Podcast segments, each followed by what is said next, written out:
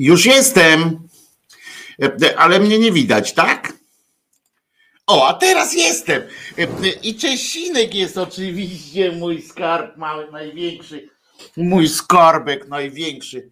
E, e, Oczywiście duma i duma taka wielka stoi tak. Morda moja E, kochana. Wojtko Krzyżaniak, głos szczerej słowiańskiej szydery w waszych sercach. Poczekaj, masz tu włosek w oku. E, e, Głos szczerej słowiańskiej szydery w waszych sercach, rozumach i gdzie tylko się grubasa uda wcisnąć. E, Dzisiaj jest, słuchajcie, wtorek, siódmy dzień, siódmy dzień lutego 2023 roku. A ja się nazywam Wojtko Krzyżaniak, już mówiłem. Mówiłem na pewno, to, to jest jed- jedna z niewielu rzeczy, które e, jak psy kichają, e, to podobno e, jest oznaka takiej ekscytacji. Mm, e, I to często pozytywnej, mam nadzieję, teraz była pozytywna. Też Czesinek zastanawia, muszę wam powiedzieć, w tajemnicy wam powiem, że on tak nie słucha. Czesinek się zastanawia teraz, czy się położyć na y, wersalce w sensie na kanapie, czy jak to się nazywa, takie, to, takie gdzie usiąść można, i albo na fotelu i tak chodzi między jednym a drugim i tak patrzy, kurwa, gdzie mu będzie wygodniej. No jednak wybrał kanapę, takie, takie bardziej rozłożyste miejsce do leżenia i do odpoczynku. Brawo. E, e, bardzo dobry wybór, Czesinku. Chociaż i tak jak znam e, życie, to przeniesie się również na, na fotel. Przed chwileczką miałem jeszcze bardzo sympatyczny telefon z zapowiedzią odwiedzin. Nie dzisiaj, tylko w przyszłości. Już się bardzo, bardzo się cieszę, bo tak jak mówię, zapraszam Was zawsze z przyjemnością Was ugoszczę. No może nie, nie, nie, nie będzie tutaj, wiecie, fajerwerków, bo ja tu nie jestem mistrzem w przyjmowaniu gości i tak dalej, ale mm, jak ktoś odwiedzi, chce, będzie chciał się pokazać też w trakcie audycji na przykład, to oczywiście to oczywiście zapraszam i będzie dobrze. I mam nadzieję, że będzie dobrze, oczywiście. E, sobie pogadamy, albo, e, albo można po lub przed audycją też przyjechać, zobaczyć, że to się dzieje naprawdę. E, żadnych, żadnych udawanek tu nie ma. Wszyscy życzycie, tu widzę już dobry dzień, choć zasmarkany. Nie, nie bym się domagał, dedykacji domagał. Ale co, Mark Gruwer, jesteś zasmarkany i dlatego chcesz piosenkę? No dobra no dobra, a tutaj nie ma sernika, to teraz zapraszam. No to wam powiem, Gosia mówi, to wam powiem w czasie tej części pojebawczo-zapoznawczej, że moja siostra Katarzyna mm, e, usmażyła, bo to się smaży, faworki, rozumiecie, faworki według przepisu mojej, mojej mamy, a moja mama robiła najlepsze faworki na świecie, których to faworków już nie jadłem E, no w pytkę e, czasu. Naprawdę bardzo długo nie jadłem faworków e, takich jak moja mama robi a moja siostra robi według tego samego przepisu i tak samo dokłada wszelkich starań, żeby one były naprawdę jak chruścik chrupkie, chrupkie i cieniutkie, więc, więc no muszę tam podjechać, żeby sobie zabrać i zjeść, bo jeden talerz cały jest dla mnie e, przewidziany. Pewnie jak znam życie, już jest niecały. No. E, tak to jest, jak człowiek od razu nie, nie podejdzie, nie podjedzie, no ale trudno. E, więc jakby ktoś jutro chciał wpaść, znaczy, no, albo nie wiem, no bo jak dostanę ten talerz, to nie wiem, czy, czy do jutra on tam wytrzyma tutaj. Jakby ktoś chciał jutro spróbować, możemy się wieczorem dogadać, czy jeszcze są, czy nie, żeby spróbować chrusta produkt made by moja siostra. Tutaj życzenia składacie dla życzenia składacie Mateuszowi Nodze. Tak, dzisiaj właśnie jest ten dzień, kiedy odrosła, kiedy urosła noga na świecie dodatkowa. 29 lat kończy kończy Mateusz Noga dzisiaj i będzie dla niego piosenka. Nawet muszę, muszę ci powiedzieć, Mateuszu, że nawet będzie, będzie więcej jasne, bo byś się podzielił. No jak ktoś, wiecie, no nie jestem taki z kolei, żeby chować po szafach e, różne rzeczy, więc jak ktoś przyjdzie, no to, e, e, no to na pewno dostanie, no. Chyba, że mówię, no chyba, że dzisiaj się rzucę na tak szczerbaty na suchar i pojem wszystkie. Oglądałem, wiecie, że dzisiaj znowu włączyłem, tylko nawet nie słuchałem za bardzo aż chciałem tak znaczy, włącz kto tam dzisiaj, kogo dzisiaj propsują. E, znowu w, w, telewizji publicznej była e, Olga Semeniuk, ona jest zajebista, po prostu e, naprawdę na miejscu, na miejscu PiSu wszędzie wysyłałbym tylko ją. Ona powinna być rzecznikiem rządu, rzecznikiem premiera osobistym, rzecznikiem nie wiem, no wszystkich po kolei. Ona jest jest zajebista. Ona mówi, e, ona albo naprawdę w to wierzy, co mówi, i e, to, to okej, okay, albo jest totalną psychopatką, bo, ale ja nie mówię, że tak jest, tylko bo, bo ona może naprawdę wierzyć bo jest cyniczna i aż na granicy psychopatii, o tak powiem, bo ona mówi z takim przekonaniem, z taką pewnością siebie, z taką płynnością tych wypowiedzi, niezależnie od tego, niezależnie od tego, co ma powiedzieć i tak dalej.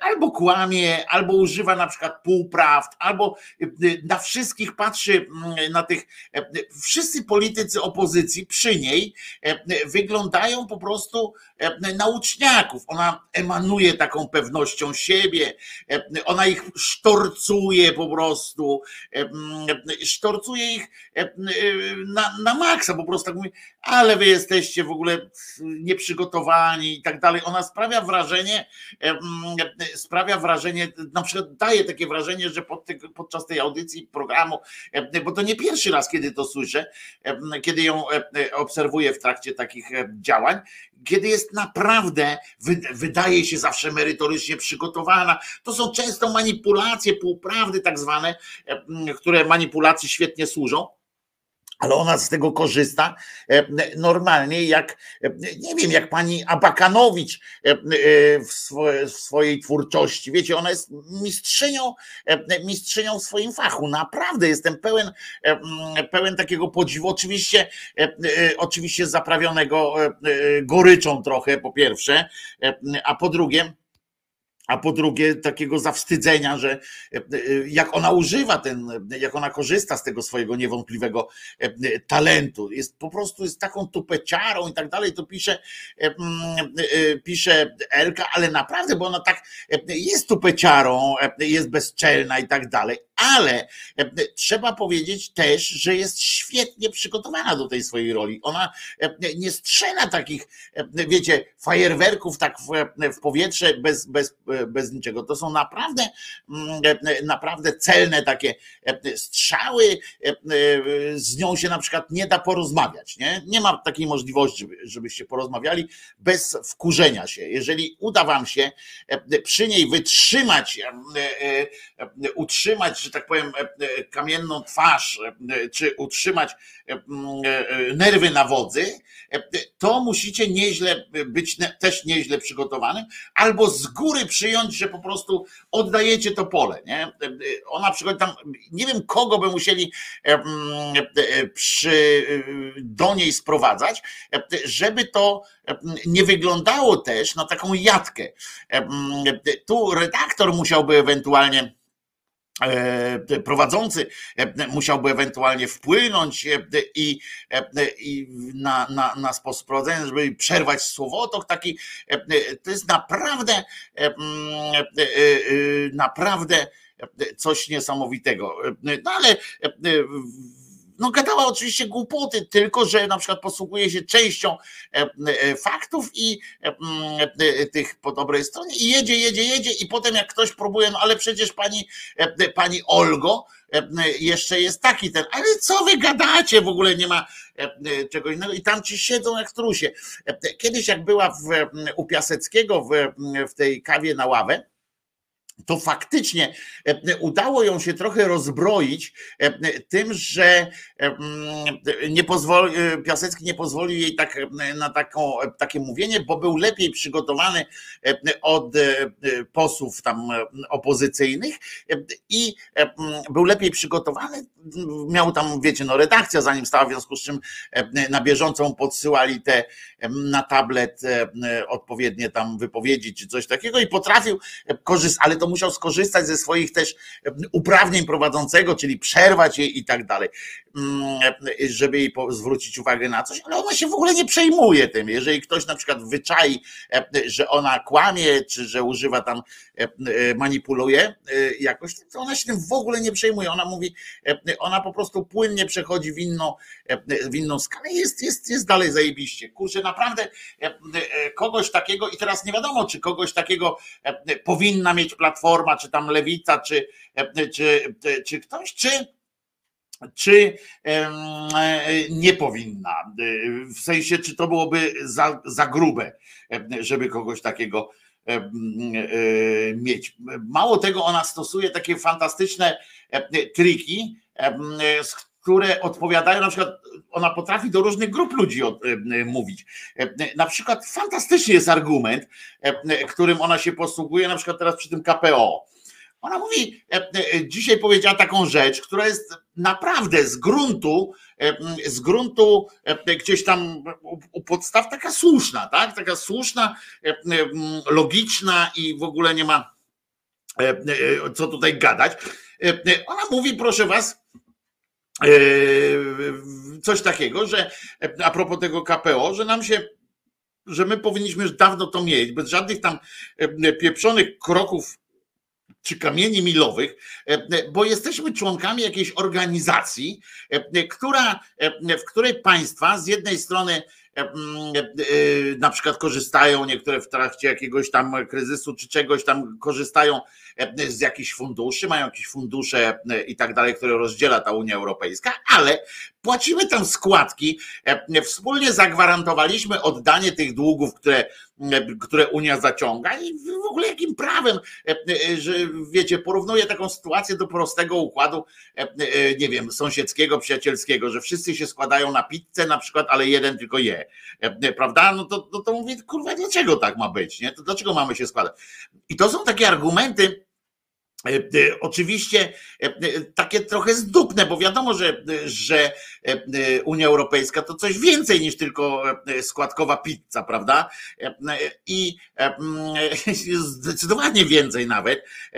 Chociaż też wiadomo, że, że tam są różne gry interesów, korporacje różne tam mają wpływ. Oczywiście, że tak, jak, na każdy, jak w każdym elemencie życia społecznego, ale fantastycznie ona jedzie z tym, Mm, wybrała sobie jakiś tam fragment i po prostu uderza do tych e, ludzi i założę się, e, że jak ona użyje takiego argumentu, to część z was też się na chwilę zawiesi. E, tak na chwilę chociaż, nie? Mówi, no kurwa, faktycznie, przecież myśmy tam musieli, musieliśmy podnieść rękę, tak, musieliśmy się zgodzić na to. E, e, potem musieliśmy podpisać taki kwit, że będziemy spłacali to. E, potem ten, a przynieśli te pizzę, przynoszą, roznoszą wszystkim, a my tak patrzymy za tą pizzą. I faktycznie każdy tak z nas ma prawo do tego, żeby tak spojrzeć i mówi, co to kurwa, co to kurwy nędzy się tu dzieje, prawda? I oczywiście, jak nie wnikniemy w to, jakie są przyczyny i tak dalej, i tak dalej, e, jaka była umowa, to możemy sobie pomyśleć, że kurczę, ona ma rację. I część ludzi, która nie chce wnikać głębiej, oczywiście łyka to e, jak ciepłą bułę i mm, wszystko jest w porządku. No ale potem e, zobaczcie poziom bezczelności takich mediów publicznych, to jest też na tym polega między innymi, między innymi, że mm, na tym, że oni zaprosili, rozumiecie, e, e, niejakiego Mejzę, znowu. Pani Bugała z kolei zaprosiła pana Mejzę. E, i oczywiście w tym momencie tam tak zwróciłem uwagę o czym, tam znowu ekspercki głos pana Mejzy, a naprzeciwko niego usiadł poseł, senator czy poseł, nie pamiętam, właśnie Platformy Obywatelskiej e, i dyskutowali. I nawet się tam w pewnym momencie e, zgodził e, pan poseł z panem Mejzą, z panem tam Mejzą, Mendą Mejzą. I ja tak sobie znowu pomyślałem, że że możemy sobie dużo opowiadać, nie? O tych wszystkich, e, e, o tych wszystkich głupotach, e, o tych nielogicznościach, kradzieżach, niemoralności, niety, nieetyczności tej władzy i tak dalej. Możemy sobie godzinami opowiadać, możemy się nawkurwiać, możemy nawet na ulicę z kamieniem wyjść i, i zacząć spróbuj, spróbować zrobić coś, jakąś, jakąś rewolucję. Możemy naprawdę takie, e, takie mm, sytuacje uruchomić. E, tylko, e, mm, tylko pomyślmy sobie, tylko pomyślmy sobie, stream już działa, już, już uruchomiłem. Tylko pomyślmy sobie, co, jak to wygląda, o tak powiem, jak to wygląda w zderzeniu, słuchajcie, w zderzeniu z, mm, z tym, że potem przychodzi do telewizora E, e, ten e, cymbał Mejza, naprzeciwko niego siada jakiś, jakiś poseł opozycji i z nim rozmawia. Rozumiecie? Nie ma w tym, nie ma w tym ani krzty, ani krzty mm, jakiegoś, jakiejś logiki, takiej porządnej, w sensie logika może jest jakaś, ale nie ma krzty takiej mm, etyki. Bo dopóki oni będą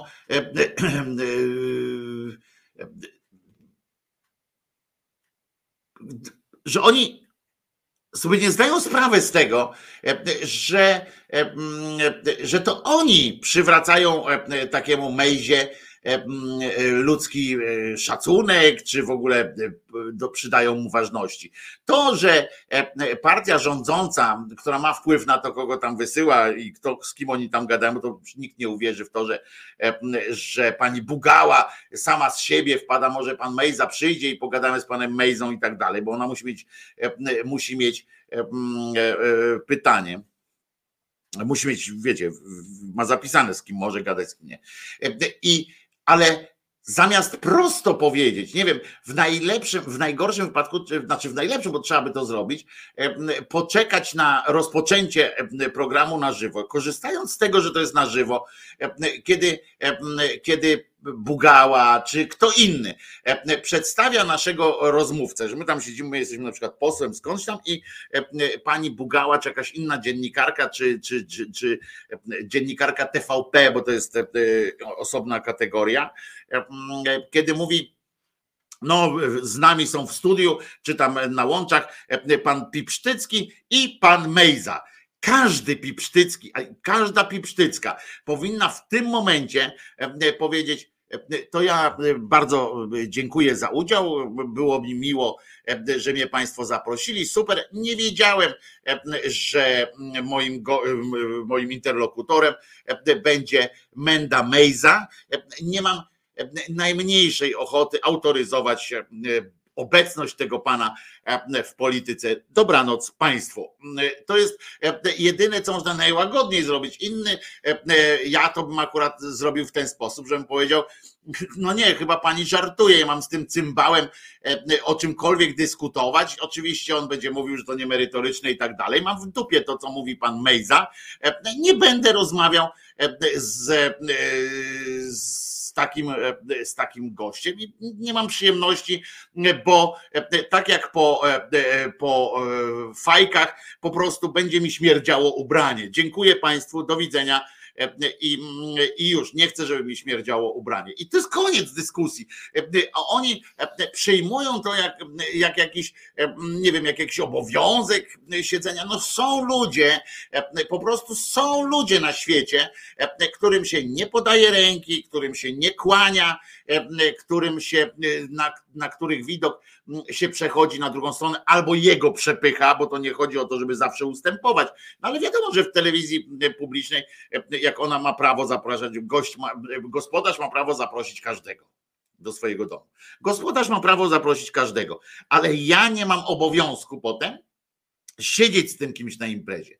Wchodzę, rozumiecie, do Mazurka na urodziny, patrzę, że tam stoi jakiś jeden, drugi obszczykios, mówię dziękuję, do widzenia się z państwem, ja tutaj nie pasuję, mi się to, jeżeli państwu się chce e, e, potem śmierdzieć tym głównym, to spoko, to jest wasza sprawa. Ja e, nie mam, ja nie mam zamiaru Pozdrawiamy kominiarze, wracajcie do roboty. I, i ja nie mam zamiaru tutaj prześmiardywać. To jest koniec, to jest to, to, powinien być, to powinien być elementarz po prostu takich spraw. I jest takich w PiSie, czy ogólnie tam, wiecie, no, wychodzi Kowalski no nie, no nie będę tu z panem się, nie ma, w ogóle widzę, że, że zahaczamy o, e, o dno, dziękuję, do widzenia. Ale e, to jeszcze to jest do wyboru tam, bo on przynajmniej e, no, nikt mu tam nie udowodnił jakiejś tam kradzieży czy zwyrolstwa takiego zwykłego. Ale są ludzie, którzy po prostu nie zasługują na waszą obecność w, w ich życiu. I oni nie zasługują na to, żebyście ich dopuszczali do swojego życia. Nie ale oni się tego nie nauczą. Będą, I teraz taki Mejza nagle po tym, zwróćcie uwagę, że po tym okresie takiej ogólnej chyba braku, ogólnego braku akceptacji dla tej, dla tej koszmarnej persony. Najpierw i elektorat i tak dalej musiał łyknąć to, że jednak z braku głosów gdzieś tam PiS e, przytulił go, ale na początku też bez wielkiego entuzjazmu. E, po czym e, nie wiem, czy on płaci za to, czy co robi, bo on tam ma jakieś pieniądze przecież z tych uzdrowień, że nagle zaczęli go wręcz wysyłać do tej telewizji, albo naprawdę robi sobie reklamę po prostu za pieniądze i on jest jakimś tam nagle głosem ludu rozumiecie? A, a inni wchodzą. Tak jest kilka osób, to jest Czarnecki. Czarneckiego to w ogóle zapraszają do mediów, prawda? E, tych e, wolne media. To w ogóle on tam, tam bywa, rozumiecie? E, I to jego to oni muszą zaprosić, bo to nie jest tak, że ktoś im narzuca dokładnie pana Czarneckiego. Oni z nim rozmawiają, jakby, jakby mm, to był normalnie uczciwy człowiek, nie? Że tam zakładają jakiś uczciwy. To jest po prostu po prostu żenujące. Ja powiedziałem, jeszcze raz powiedziałem, jakby mnie kazali puścić, jak ja był pracownikiem etatowym tam Onetu, czy tam na umowie jadę tym samochodem i do mnie mówią, podjedziesz teraz pod gdzieś tam wejdzie poseł Czarnecki na moje pytanie, co ja mam mu powiedzieć, w sensie o co mam go zapytać, o czym, o czym jest ta audycja, to będzie no nie no, pogadaj tam z posłem, bo coś jestem, pogadał z nim tylko w jeden sposób, jest pan złodziejem, wypierdalaj pan z mojego samochodu i tak dalej. To jest koniec, no. Jakiś, są tacy ludzie, jeszcze raz powtarzam, są tacy ludzie, tak jak ta na przykład wywłoka E, e, która przeszła już do, przeszła e, od lewicy aż do Solidarnej Polski chyba teraz, tak? Czyli już bardziej tam, nie może jeszcze do Konfederacji może. Pawłowska ona się chyba nazywa, tak? To, to też po prostu, no, no o czym tu rozmawiać, jak nie ma o czym gadać, nie? Także Także tak, e, moi drodzy. No to co? E, e, możemy uznać, że część pojebawczo-zapoznawczą z grubsza mamy, mamy, tak jakoś myślę, że się pobudziłem. Mam nadzieję, że wy również się jakoś tam pobudziliście. Dzisiaj mamy kilka tematów do poruszenia ja, jeden temat mamy też taki na jutro dopiero, bo e, e, coś wczoraj e, zobaczyłem, co mi przypomniało inną rzecz i będę, tylko muszę przygotować lepszy materiał do tego. To, co mam mówić o tym, to wiem, ale, ale chodzi o to, żebyście mogli się też dobrze zabawić. Będzie kilka śmiesznych rzeczy, będzie kilka rzeczy żałosnych i może w ogóle zacznę od rzeczy takiej żałosnej, tak mi się wydaje, bo to, to ta rzecz jest oczywiście żałosna, ale może być również, jakby to powiedzieć, no może ktoś z Was byłby byłby zainteresowany takim E, obrotem e, sprawy, takim, e, taką sytuacją. Rozbawił mnie właśnie Imć Czarnek, pindolący w Sejmie do nieobecnego Tuska. Rozmowa z nieobecnym to ciekawa forma konwersacji. O to Piotrze, bo to Piotr z Katowic napisał, Piotrze, muszę ci powiedzieć, że sztuka karmi się tym, no chcę ci powiedzieć, że wielka improwizacja na przykład, no to cóż innego jak rozmowa właśnie taka, tym a hamletowskie rozważania mocne, to cóż to jest, jak nie, jak nie taka właśnie rozmowa. Może Czarnek właśnie ruszył tą drogą, że też im się chce cały czas, prawda, ta nieudolna opozycja, która ciągle rządzi, prawda, bo oni ciągle nieudolnie rządzą. No ale dla wszystkich, których to dołuje, mam lekarstwo. Pamiętacie, że ostatnio opowiadałem o biskupie, który przyznał się do tego, że E, e, że powaliła go lekko, znaczy no nie lekko, tylko powaliła go po prostu depresja, że musiał zrezygnować ze swoich funkcji i żeby iść do lekarza, mówił i tak dalej, e, że to jest. Ja powiedziałem coś takiego, że jeżeli już tam kogoś miało to przycisnąć, to akurat dobrze się stało w tym momencie, że trafiło na takiego biskupa, który potrafił wyjść z tej swojej skorupy i powiedzieć o tej opiece psychologicznej, psychiatrycznej, żeby się badać, żeby chodzić, żeby leczyć się też normalnie, jak jakimiś takimi środkami, żeby nawet spróbować farmakologii, bo on powiedział o tabletkach, mm, odważnie i mówiłem, że, że, że to dotyka tam różnych ludzi, to, że fajny przykład był na to, że można, prawda?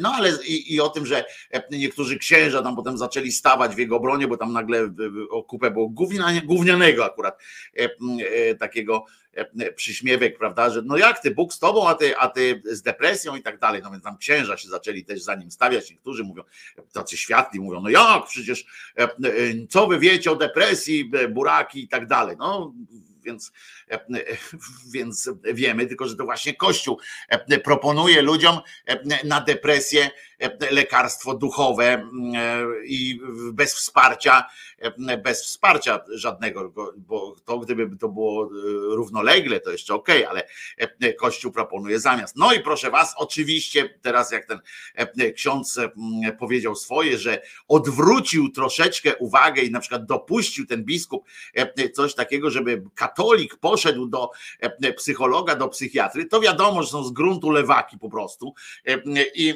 odwrócił odwrócą e, e, uwagę od kościoła tych ludzi, więc kościół e, i te wszystkie katolickie takie te centrale różne katolickie przystąpiły do kontrataku, e, żeby, że nie, że nie, że ten biskup to on tylko tak e, powiedział, bo, bo po prostu, bo go przygniotło, bo zwątpił i w ogóle dlatego go przygniotło. I stąd na przykład pojawiają się coraz częściej i w różnych, równolegle w różnych katolickich mediach tego typu materiały, proszę bardzo, psychiatrzy i psycholodzy w szoku te modlitwy uzdrawiają z depresji. E, e, zwróćcie uwagę, że to jest pisane e, wszystko takim samym językiem, jak ci, jak te skamowe takie materiały o tych kryptowalutach, czy o tych notowaniach, tak?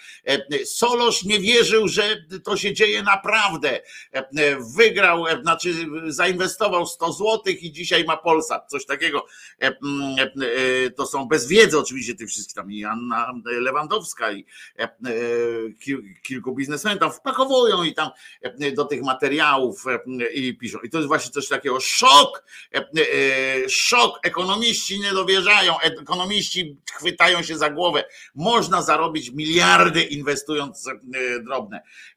I to są tego typu skamowe rzeczy i to jest tak samo skam po prostu tak zwany, czyli wyłudzanie E, e, zwróćcie uwagę, psychiatrzy, psycholodzy w szoku te modlitwy uzdrawiają z depresji e, i oczywiście co za tym, co za tym stoi. Oczywiście jest szereg, szereg tych modlitw, które uzdrawiają i które dają, dają taką poczucie, poczucie wielkiego wielkiej ulgi niby i tak dalej, i tak dalej. E, e, oczywiście e, to jest, jest bełkot. I teraz mogę wam przedstawić w każdym razie, jakbyście chcieli, nie wiem, jakbyście, żeby nie było, że, że lecimy teraz jako ci symetryści, no może, może niektórym tabletka, niektórym wizyta u psychiatry, a niektórzy może e, e, powinni e, użyć takiego zaklęcia po prostu i, i jest lepiej, bo tutaj jest na przykład przyjdźcie do mnie wszyscy, którzy utrudzeni i obciążeni jesteście, a ja was pokrzepię. Tak w Ewangelii napisał Mateusz Pozdrawiamy Mateusz. W Ewangelii napisał Mateusz i oni że niby tam powiedział do niego tak, do ludzi tak coś Jezus. I na tej podstawie oni mówią, że pieprzcie tam, pieprzcie różnych lekarzy. Lekarzy są w szoku po prostu. Trzeba, trzeba podczytać, co, co słowo Boże powiedziało. A powiedziało jasno po prostu, że przyjdźcie do mnie wszyscy, którzy utrudzeni, obciążeni jesteście, a ja was pokrzepię. No więc zapierdzielam. E, e, kiedyś pamiętam jako dziecko, zapierdzielałem do tego kościoła i jakoś nie, nie dostałem pokrzepienia. Ale dobra. E, I złap się tej obietnicy, głosi Kościół którą Chrystus złożył każdemu z nas. A jak ja bym się tak, jak my byśmy wszyscy tak chcieli tego Jezusa z tych obietnic, co tam ktoś spisał niby, że to były, jakbyśmy tak chcieli, to by on skończył tak jak, no wiecie, no tak jak politycy, nie? On nikt ci tyle nie da, co Jezus ci obieca, prawda? Można tak sparafrazować te wszystkie. Oddaj swoje cierpienie Jezusowi. Proste. Zobaczcie, jakie to miłe i przyjemne. Modlitwa dla cierpiących na depresję. Brzmi na przykład tak, to jest kilka wersji zresztą, żeby było. To nie są długie rzeczy, bo Jezus sobie zdaje sprawę, prawdopodobnie chyba o to chodzi, że ludzie pogrążeni w depresji jakoś tak nie są skorzy do takiego, e, e, no do, nie mogą się skupić tak może na tym, tym i tak dlatego im zaproponował e, takie krótsze formy kontaktu. I to jest na przykład taki jedna z nich, jedna z tabletek takich tabletek wiary brzmi Dobry Boże, Ty znasz ciemności, które mnie otaczają. Wydaje mi się, że jakby otoczyła mnie chmura że także tracę całą moją perspektywę. I na dodatek wrażenie mam, że ona nigdy się nie podniesie. Wiem, że wcześniej udało mi się z tego wyjść, ale kiedy te uczucia znów przychodzą, wszystko znowu się zaciemnia. I to jest, proszę Was, słuszne. To jest bardzo, bardzo e, ładny e, opis samej depresji, ale e, myślę, że myślę, że bez tego tam Boga też byłaby niezły opis. No ale co z tego ma dalej wyniknąć? Bo tu jest na, na razie jest taka opis tego, że on wie. No to skoro wie, to mu nie tłumacz i tak dalej. Pomóż. Idziemy dalej. Pomóż mi ufać Tobie w tym trudnym czasie Wiem, że po deszczu znów przechodzi słońce i że ponad chmurami słońce zawsze świeci. Proszę Cię jednak umocnij to przekonanie w moim sercu, tak aby Twoja nadzieja mnie prowadziła. Wierzę, że Ty możesz mnie uzdrowić i całkowicie powierzam się Tobie. Udziel mi łask, których potrzebuję, aby wytrwać przy Tobie, aż Twoja uzdrawiająca miłość, która wiem, e, że nieustannie działa we mnie, w końcu przeniknie mnie i przyniesie ulgę, której potrzebuję. Amen. E, no więc e, i to jest ta prośba. Tu jest wszystko zauważone, że i tak wiem, prawda? Zwróciliście uwagę, mam nadzieję, na to, że tam jest napisane, że i tak wiem, że jesteś we mnie. Czuję to. Że jesteś we mnie, że działasz, a mimo, mimo to wpuściłeś mnie w te ciemności, no ale choćbym e, e, kroczył e, doliną mroku, to ja się zła nie ulęknę, to w ogóle nie ma dwóch zdań. I, i Taka widzicie jest. Ale jest też, jest też e, modlitwa w chorobie psychicznej za i ona jest akurat e, dotyczy wstawiennictwa Judy Tadeusza i, i ona leci mniej więcej tak, bo tu najpierw się modlimy pod tubą, to jest inny trochę przypadek, że jednak stwierdzamy już w tej depresji, bo to taki depresyjny więc w tej depresji stwierdzamy, no nie, no gdzie tam Jezus się mną zajmie? Wiecie, e, e, prawdziwa e, depresja to powinna, tak znaczy mówię prawdziwa, oczywiście wiecie o tym, że trochę dworuję sobie. I, ale że taka depresja to skłania też do takiej myśli, wiecie, jak ktoś ma pomysł na to, mówi, że ma depresję, no, trochę pamiętajcie, że trochę dworuję, bo, ale jak ktoś ma depresję, a mimo tej depresji jest przekonany, że Bóg nie ma innych problemów tylko do załatwienia w takiej chujozie, w jakiej się obracamy, tylko akurat zwrócenie uwagi na takiego małego żuczka krzyżaniaczka na przykład. Żuczek są żuki gnojarze, są żuki krzyżaniaki. Więc żuczka krzyżaniaczka ma akurat się zająć, no to powiem wam, że jak na depresanta to wysokie, wysoki poziom takiego jakby zrozumienia e, swojej roli na świecie, prawda? E, częściej zdarzają się takie sygnały, że nikomu na mnie nie zależy, albo nic się nie wydarzy takiego, jak, jak odejdę i tak dalej. A tutaj, proszę was, Bogu na mnie zależy. No jak Bogu na tobie zależy, to to naprawdę jest dobry punkt odbicia. Nie mówię, że to jest uzdrowienie, tylko że to jest dobry punkt odbicia do, do lepszego życia. O, tak można powiedzieć. Jeżeli twierdzisz, że to nie Kryśka, nie Anselm i nie E, nie e, pies Czesinek cię potrzebuje, tylko sam Bóg na ciebie odwrócił, ucz swoich, e, ucz swoich róże, to, to przecież to jest ważne. No ale dobra, tutaj ta druga wersja właśnie idzie w tę w tę stronę, że to jest takie coś, że mamy poczucie, że Bóg mógł się o nas odwrócić i tak dalej, w związku z czym szukamy sobie jakiegoś pomniejszego takiego półboga e, w postaci jakiegoś tam świętego, który być może e, z braku innych zajęć, e, choćby może ma więcej czasu po prostu, żeby się nad nami pochylić i on już zbiorczo tam przygotuje pozew zbiorczy i pójdzie z tym do, do Boga, albo tam jakoś tam ten będzie kołatał, bo my nie zawsze możemy. I to jest do tego Judy, Juda Tadeusz i to nie, ja nie mówię po węgiersku teraz, e, gdzie jest nazwisko najpierw, a potem imię, że to nie chodzi o to, że on się nazywa Tadeusz Juda, tak? Tylko chodzi o to, że on ma dwa imiona takie Juda i Tadek. No, i, i, tak, i święty. E, I, e, I tu do niego list powinniśmy zacząć w ten sposób. Pełen współczucia, święty Judo Tadeuszu Kurwa, zresztą e, jakoś tak niby, e, e, ja znam, mówiłem, Tadeusz po mistrzowsku rozpoczął minetę, jak tam w tej trzynastej księdze jest. A jakoś od tego czasu, jak przeczytałem pierwszy raz tą trzynastą księgę i tą właśnie frazę, Tadeusz po mistrzowsku rozpoczął minetę, nie potrafię przejść, tak wiecie, suchą stopą obok imienia Tadeusz. Nie daję rady. Miałem na studiach kolegę Tadeusza, też nie dawałem rady e, nie jakoś tak traktować go poważnie tak bardzo, chociaż teraz to biznesmen, e, poważna sytuacja.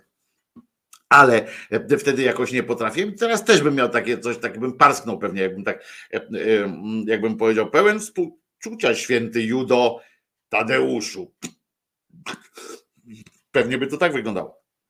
Ale w każdym razie tu jedziemy, że tam Tadeuszu, e, Tadziu, którym mocą Bożą e, przywróciłeś tak wielu ludziom zdrowie e, i umysłu, jasność. I to takie wiecie, to słabe jest troszeczkę, jak mówicie komuś, że na przykład panu Władysławowi jakiemuś mówicie, że no, a mówi tak, dlaczego do mnie przyszedłeś, nie, tam po pomoc i wy mówicie, no panie Władysławie, przyszedłem akurat do pana i ten tak rośnie, bo mówi, że kurczę, nareszcie ktoś, ktoś wierzy w tę jego moc jakąś sprawczą, bo ty masz dobre układy u innych. Aha, no dobra, no i w związku z czym pieniądze i tak pójdą dla innych. No nieważne. Więc przywróciłeś tak wielu ludziom zdrowie i umysłu jasność. Wejrzyj na mnie lub wymień i tutaj w tym przypadku jest napisane, bo to też jest taka, że, że za kogoś można, więc tu jest wejrzyj na mnie, albo można w tym momencie wymienić osoby tam właśnie chore psychicznie, za którą się trzeba pomodlić. E, e, I tam wejrzyj na mnie w moim cierpieniu. E, ufny w Twoje potężne wstawiennictwo. To jest takie pierdolenie, nie? No panie Tadeuszu, no ale jak, no panie Tadeuszu, no ale kto jak nie pan, jak pan powie, to jest takie potężne. A Tadeusz tam, no dobra, no dobra, no to pójdę, dam, dawaj pan tę kartkę z podaniem, dawaj pan nie, nie, A Albo nie, no gdzie ja tam? No panie Tadeuszu, no jak nie pan, to nikt. E, I tak trzeba, to potężne stanowisko, w ogóle potężne wstawiennictwo e, twoje. Błagam cię! To jest ulubione e, sformułowanie zresztą ludzi wielkiej wiary. Błagam cię! I jeszcze przebacz, to jest też drugie. No ale tutaj nie ma przebaczenia, to jest błagam cię, byś prosił Jezusa, miłosiernego uzdrowiciela, orych, o uzdrowienie i dla mnie lub tej osoby oczywiście.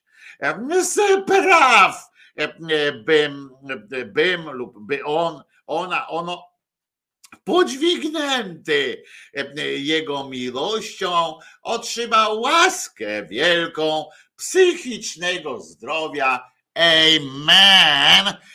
I tak to jest. Ale jest jeszcze, uważajcie, też bezpośrednio już tutaj do Jezusa, o uzdrowienie wewnętrzne. I ja dociekłem, czy to chodzi o właśnie, bo to wiecie, to dwojga y, są różne, e, różnie można o tym mówić. I na przykład może być coś uzdrowienie wewnętrzne, e, czyli tamte wiecie, internistyczne jakieś takie sytuacje, choćby gastrologia i tak dalej, to też jest uzdrowienie wewnętrzne, ale e, dociekłem i choćby z tym i z treści tej modlitwy, ale i z, ich, jej źródeł wynika, że jednak dotyczy to E, e, takiego e, tej, tej sfery psychę, tyle że przecież w, no nie wiem, to tak jakby trochę takie wypędzanie diabła, bo Panie Jezus, Ty przyszedłeś po to, aby uzdrowić serca zranione i udręczone. Proszę Cię, abyś uzdrowił urazy powodujące niepokoje w sercu moim Proszę cię w szczególny sposób. No i tu by trzeba e, wymyślić jakiś ten szczególny sposób. Instrukcja nie podaje, e, czy e, tę modlitwę na przykład należałoby odmawiać w jakiejś specjalnej pozycji, na przykład psa z dupą w górę, czy jakoś tam są te jogi, chociaż jogi bym w to nie mieszał być może, no ale jakąś, nie wiem, wisieć na, albo na krzyżu, E, e, można takie rzeczy e, robić, bo tu jest ewidentnie jest napisane, proszę cię w szczególny sposób. No więc jeżeli tam te wszystkie inne sposoby są normalne, tak jak mówisz, no weź, szczególnym sposobem była ta, pamiętacie co kiedyś opowiadałem, E, jak pobudka się odbywała w akademiku e, kiedyś, tak leżeliśmy po takiej ostrej popijawie, e, leżeliśmy z jakimiś z koleżankami, naprawdę to nie były nasze dziewczyny, poza jednym przypadkiem, gdzie dzisiaj są szczęśliwym małżeństwem, tuszę, że szczęśliwym małżeństwem kolega Jacek, a inni tam leżeli, tak po prostu sobie leżeli, pijacki sen i tak dalej i, i było już widno, ale jeszcze wszyscy chcieli tak przedłużać ten, ten sen, tak słychać było i się okazało potem, że nie, nie, nie wszyscy śpią, bo nagle usłyszeliśmy taki, wszyscy taki głos z zaświatów trochę, a okazał się być głosem z jednego z łóżek. No weź, co ci zależy? To był głos Wojtka, nie mój, ale kolegi Wojtka. E, I w tym momencie już reszta załogi nie wytrzymała i okazało się, że nikt nie śpi, tylko tak dogorywamy, bo wszyscy parsknęli śmiechem. E, oczywiście tam e, już się nie dowiedzieliśmy, co jej zależy, bo w tym momencie mm, już cały czar tej sytuacji prysł, ale przyznacie, że były to, był to sposób proszenia szczególny dosyć. No weź, co ci zależy. I dodam, że dziewczynie dużo zależało, w każdym razie nie, nie poszli w kasztany. E, e, I teraz tak, no, w ten szczególny sposób, jak Cię proszę, to abyś uzdrowił tych, którzy są przyczyną grzechu. O, to jest dobre. E, czyli pozabijaj najlepiej te wszystkie, te wszystkie bodźce w krótkich sukienkach albo z torsami na wierzchu facetów, albo tych, którzy przychodzą z papierosem i tak dalej. Pozabijaj, wylecz ich nie mnie. E, więc proszę cię, abyś uzdrowił e, urazy e, powodujące też niepokoje w sercu moim. Proszę cię w szczególny sposób, abyś uzdrowił tych, którzy są przyczyną grzechu. Proszę cię, abyś wszedł w życie moje i uzdrowił mnie od urazów psychicznych, które mnie dotknęły w dzieciństwie i od tych ran, które mi zadano w ciągu całego życia. Panie Jezus, ty znasz moje trudne sprawy. No to gdyby znał, to zobaczcie, to jest też takie trochę dziwne, bo tutaj pełne oddanie mówi, że zna moje ciemne tam sprawy, wie jakie jesteś, wie jakie jesteś dupie i on wie, że jak mi źle jest, ale kurwa, dopóki, może to jest jakiś jeden z takich, wiecie, może to dobra rzecz jest, bo to jest takie, że trzeba doprowadzić do takiej sytuacji, żeby osoba E, chora, czy e, uzależniona, czy coś, sama e, dowiedziała się, że potrzebuje pomocy, więc, więc może on faktycznie tak siedzi, siedzi, siedzi, patrzy, ten Jezus, nie, tamtego koleżkę czy koleżankę gniecie strasznie, tam w ogóle dochodzi takich dantejskich scen w jej życiu, ale on mówi, no nie no, kurwa, dopóki ona nie poprosi, to jej nie pomogę. Powiem ci Jesus, że to jest tak, że ty możesz sobie pozwolić, znaczy gdybyś istniał, to byś mógł sobie na to pozwolić, bo e, e, wiesz na czym polega Jesus, e, różnica między moją pomocą komuś, a twoją w tym twoim świecie, w twoim uniwersum Jezusowym. Polega to na tym, że ja jak ktoś mnie poprosi, nie poprosi, na przykład jak się będę wpieprzał do kogoś, do życia kogoś, czyjegoś i będę mówił, słuchaj, ja ci pomogę, na, na pewno to po pierwsze, ja nie jestem wszechmocny, nie? Czy, czy kolega Piotrek, czy Mateusz. Nie jesteśmy wszechmocni. W związku z czym potraf, poza tym nie jesteśmy wszechwiedzący i tak dalej, możemy popełniać błędy. W związku z czym możemy komuś życie spierdolić. I dlatego sami się nie wyrywajmy z takim, ja za ciebie powiem, co, co tam, jak masz żyć dokładnie. Więc my ludzie się nie powinniśmy wyrywać. Ale ty, Jesus, jesteś podobno wszechwiedzący, wszechmogący i tak tak dalej, tak dalej. W związku z czym ryzyko, ryzyko tego, że, że coś spierdolisz, jest podobno w Twoim uniwersum jest niewielkie. No spierdoliłeś swoje życie, prawda? Ale, ale więc to mogłoby wskazywać na to, że tam taki do końca nie jesteś twojego fago, bo spierdoliłeś swoje życie, spierdoliłeś życie swojej matce teoretycznie, jeśli założymy, że cię kochała, według tej książki. No i spieprzyłeś życie potem wielu świętym, którzy omamieni jakąś tam twoją Twoim przykładem, czy Twoim dobrą radą, nie wiem, poumierali gdzieś tam na odosobnieniu albo poginęli na rozcięci piłą, prawda? No ale no ale teoretycznie sam powiedziałeś, że nie ma takiej możliwości, żeby oni to robili e, przeciwko e, sobie, że oni wszyscy z pełną świadomością się tam dali przecinać i tak dalej, albo palić e, na stosie. Więc jak to, że ja nie wyrywam się tak po prostu, żeby komuś naprawić życie, bo nie wiem, czy on nie jest szczęśliwy, no to jest, jest luz, ale ty podobno, Jezus, wszystko wiesz, więc, więc nie rozumiem nie rozumiem e, skąd, ta, e, skąd to krygowanie się i tak dalej. Wchodź stary, e, stary naprawiaj, nie przejmuj się.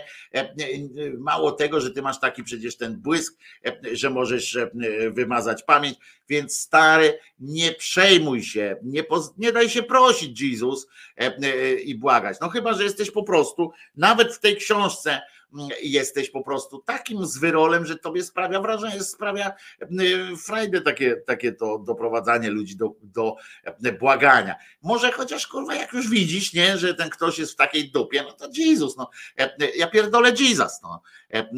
Dawaj śmiało, nie, nie, nie, nie turbuj się tam innymi rzeczami, tylko po prostu ludziom pomóż. Zresztą to samo dotyczy tam raka i tak dalej. Czy to, że jakby, no jakby nie ma powodu, żeby e, ktoś tu cierpiał. Ale e, e, nie ma takich modlitw, słuchajcie, specjalnych na przykład o to, że, znaczy są takie modlitwy o wszystko, prawda? O to, że uzdrów mnie z raka, uzdrów mnie z, tam, z paznokcia bolącego i tak dalej. Na wszystko jest odpowiednia tabletka w postaci jakiejś modlitwy, bo to ważne jest, żeby tak, żeby tak było, ale zwróćcie uwagę, że niestety, E, niestety nie traktuje się równo tych, e, tych e, chorób. Ja chcę przypomnieć, że jeszcze do, tak, do niedawna to się jakby nie modlono tak za bardzo o tych psychicznych, tylko się ich po prostu zabijało, ale to, to było dobre. Pragnę przebaczyć wszystkim osobom, które mi wyrządziły krzywdę, to takie modlitwie też jest. Wejrzyj na te urazy wewnętrzne, które mnie czynią niezdolnym do przebaczenia. Ty, który przyszedłeś uleczyć serca strapione, ulecz i serce moje, takie jest koniec. No to wam powiem, że, jak, mm, że gdyby chciał, to by to kurwa zrobił, nie? Jesus, co? Jesus, tak proszenie kogoś, żeby przyszedł i, i zdjął jakąś blokadkę, która przeszkadza mi, mi przebaczać, no to to jest łatwizna, no. Idź do psychologa, ale Oczywiście nie do szarlatana. Zresztą z tego, widzicie, na tym Jezusowym uniwersum tacy psychologowie też niestety się pasą. E, e, bo to jest ta połączenie takiego naszego, e, naszego, wiecie, myślenia boskiego kategoriami takimi, że coś nad nami jest jakaś aura i tak dalej, która nam pomaga, którą ten psycholog ma jakąś, jakiś wpływ. No, w każdym razie, w każdym razie, amen. Tutaj jest ulecz Panie Jezu wszystko jest na, na takiej zasadzie modlenia się. Zresztą, jak się przyczepiają, to jest trochę takie też żenujące, prawda? Widowisko, jak się katolicy czepiają na przykład lekarzy różnych, czy profesora Grodzkiego i wypominają mu kopertę i tak dalej, z którymi tam trzeba przychodzić. No, no ja się pytam, Jezus, może ty im odpowiesz, Jezus, może ty im odpowiesz, nie no żartuję, bo go nie ma, ale, bo przecież jak był, to zginął, ale to jest niezłe, jak oni co tydzień gdzieś tam chodzą, każdą swoją taką prośbę, prawda? Na przykład ulecz mnie, albo ulecz kogoś, albo nie wiem, pomóż mi zawiązać buty, kurwa, czy cokolwiek, to każda taka prośba związana jest z jakąś albo finansowym, czy tam rzeczowym, jakimś tam właśnie jakąś kopertoidą, albo taką kopertą w formie jakiegoś działania, tak? Czyli e, na przykład e, dajemy e, takiemu, oni przychodzą i dają takiemu swojemu Bogu, dają swoją godność, na przykład kładą na jego nogach, pod jego nogami, czy korząc szczególnie jakoś. On ten Bóg cały czas musi coś dostać. On nic kurwa za darmo sam z siebie, ten ich Bóg niczego sam, sam z siebie nie zrobi, ale jak już pan Grodzki to mówi uczciwie i w tym sensie uczciwie, że mówi, kurwa ma tyle być na przykład i koniec, to i mówi to swoje, co łaska zwykle dają 500, no to zaraz jest jakaś, jakiś cholerny, cholerny problem. I, i co? No to, no to teraz myślę, że już część pojebawczo zapoznawczą mamy, mamy zakończoną, ale myślę, że to jest zajebisty czas, żeby życzenia złożyć urośniętemu nodze. Mateusz Noga dzisiaj ma 29 urodziny.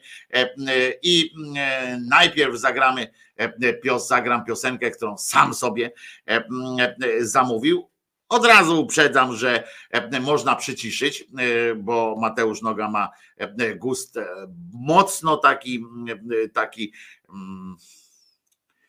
no głośny ma gust.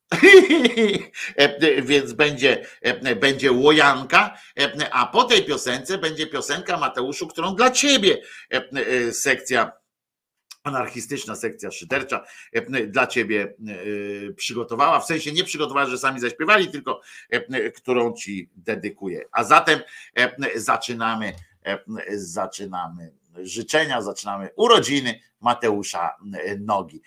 Zaczynamy od piosenki, którą Mateusz wybrał sobie sam.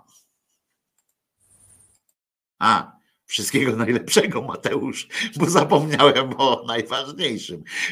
Obyś był szczęśliwy i obyś zawsze odrastał.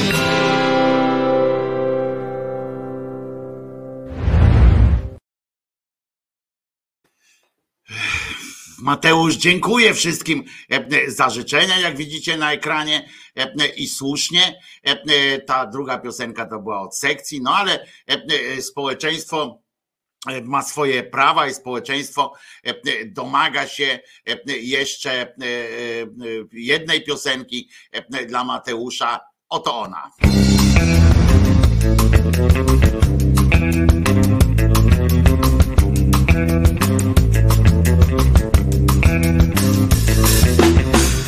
Chcę chodzić z tobą na spacer. Nie chcę pisać wierszy na klatce. Nie pójdziemy razem do kina Chociaż świetna z ciebie dziewczyna. Nie chcę chodzić z tobą po górach. Nie chcę pisać lowę na murach. Nie zaproszę cię do mnie na wino Chociaż jesteś świetną dziewczyną. Ale jedno czego chcę I ty o tym dobrze wiesz Chowasz tę cudowną rzecz Tę, o której tylko śnię. Chcę oglądać twoje nogi Żebyś założyła mini Ślimak dziś wystawił rogi A ty pokaż swoje nogi. Chcę oglądać twoje nogi Żebyś założyła mini Ślimak dziś wystawił rogi A ty pokaż swoje nogi Mm-hmm.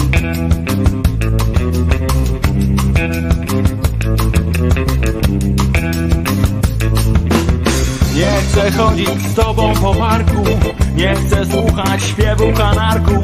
Nie pójdziemy razem do kina Chociaż świetna z ciebie dziewczyna. Nie chcę listów miłosnych wysyłać Nie chcę serca na drzewach wycinać. Nie zabiorę cię do mnie na wino Chociaż jesteś świetną dziewczyną. Ale jedno czego chcę I ty o tym dobrze wiesz Chowasz tę cudowną rzecz Tę, o której tylko śnię. Chcę oglądać twoje nogi Chcę byś założyła mini. Ślimak dziś wystawił rogi A ty pokaż swoje nogi. Chcę oglądać twoje nogi Chcę byś założyła mini. Ślimak dziś wystawił rogi A ty pokaż swoje nogi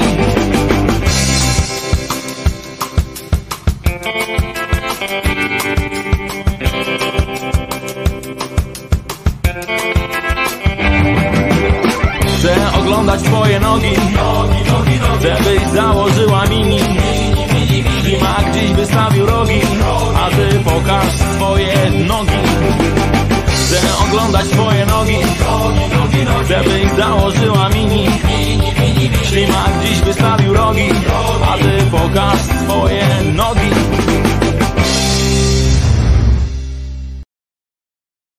Wojtko Krzyżania, głos szczerej słowiańskiej szydery. Jeszcze raz wszystkiego najlepszego. E, e, Mateusz Noga, 29 e, lat. Kirej tutaj przypomniał, że faktycznie się zesrali, bo faktycznie jest tak, że ta mąka ze świerszczy, pamiętacie, o której mówiłem, generalnie tak zwane lewactwo ma wyjebane na to, no jest mąka ze świerszczy, no to przecież nie ma czegoś takiego jak przymus spożywania mąki ze świerszczy i tak dalej, ale prawactwo, ziobryści i chrześcijanie e, po prostu dostali jakiejś, e, jakiejś poważnej sraczki na ten temat.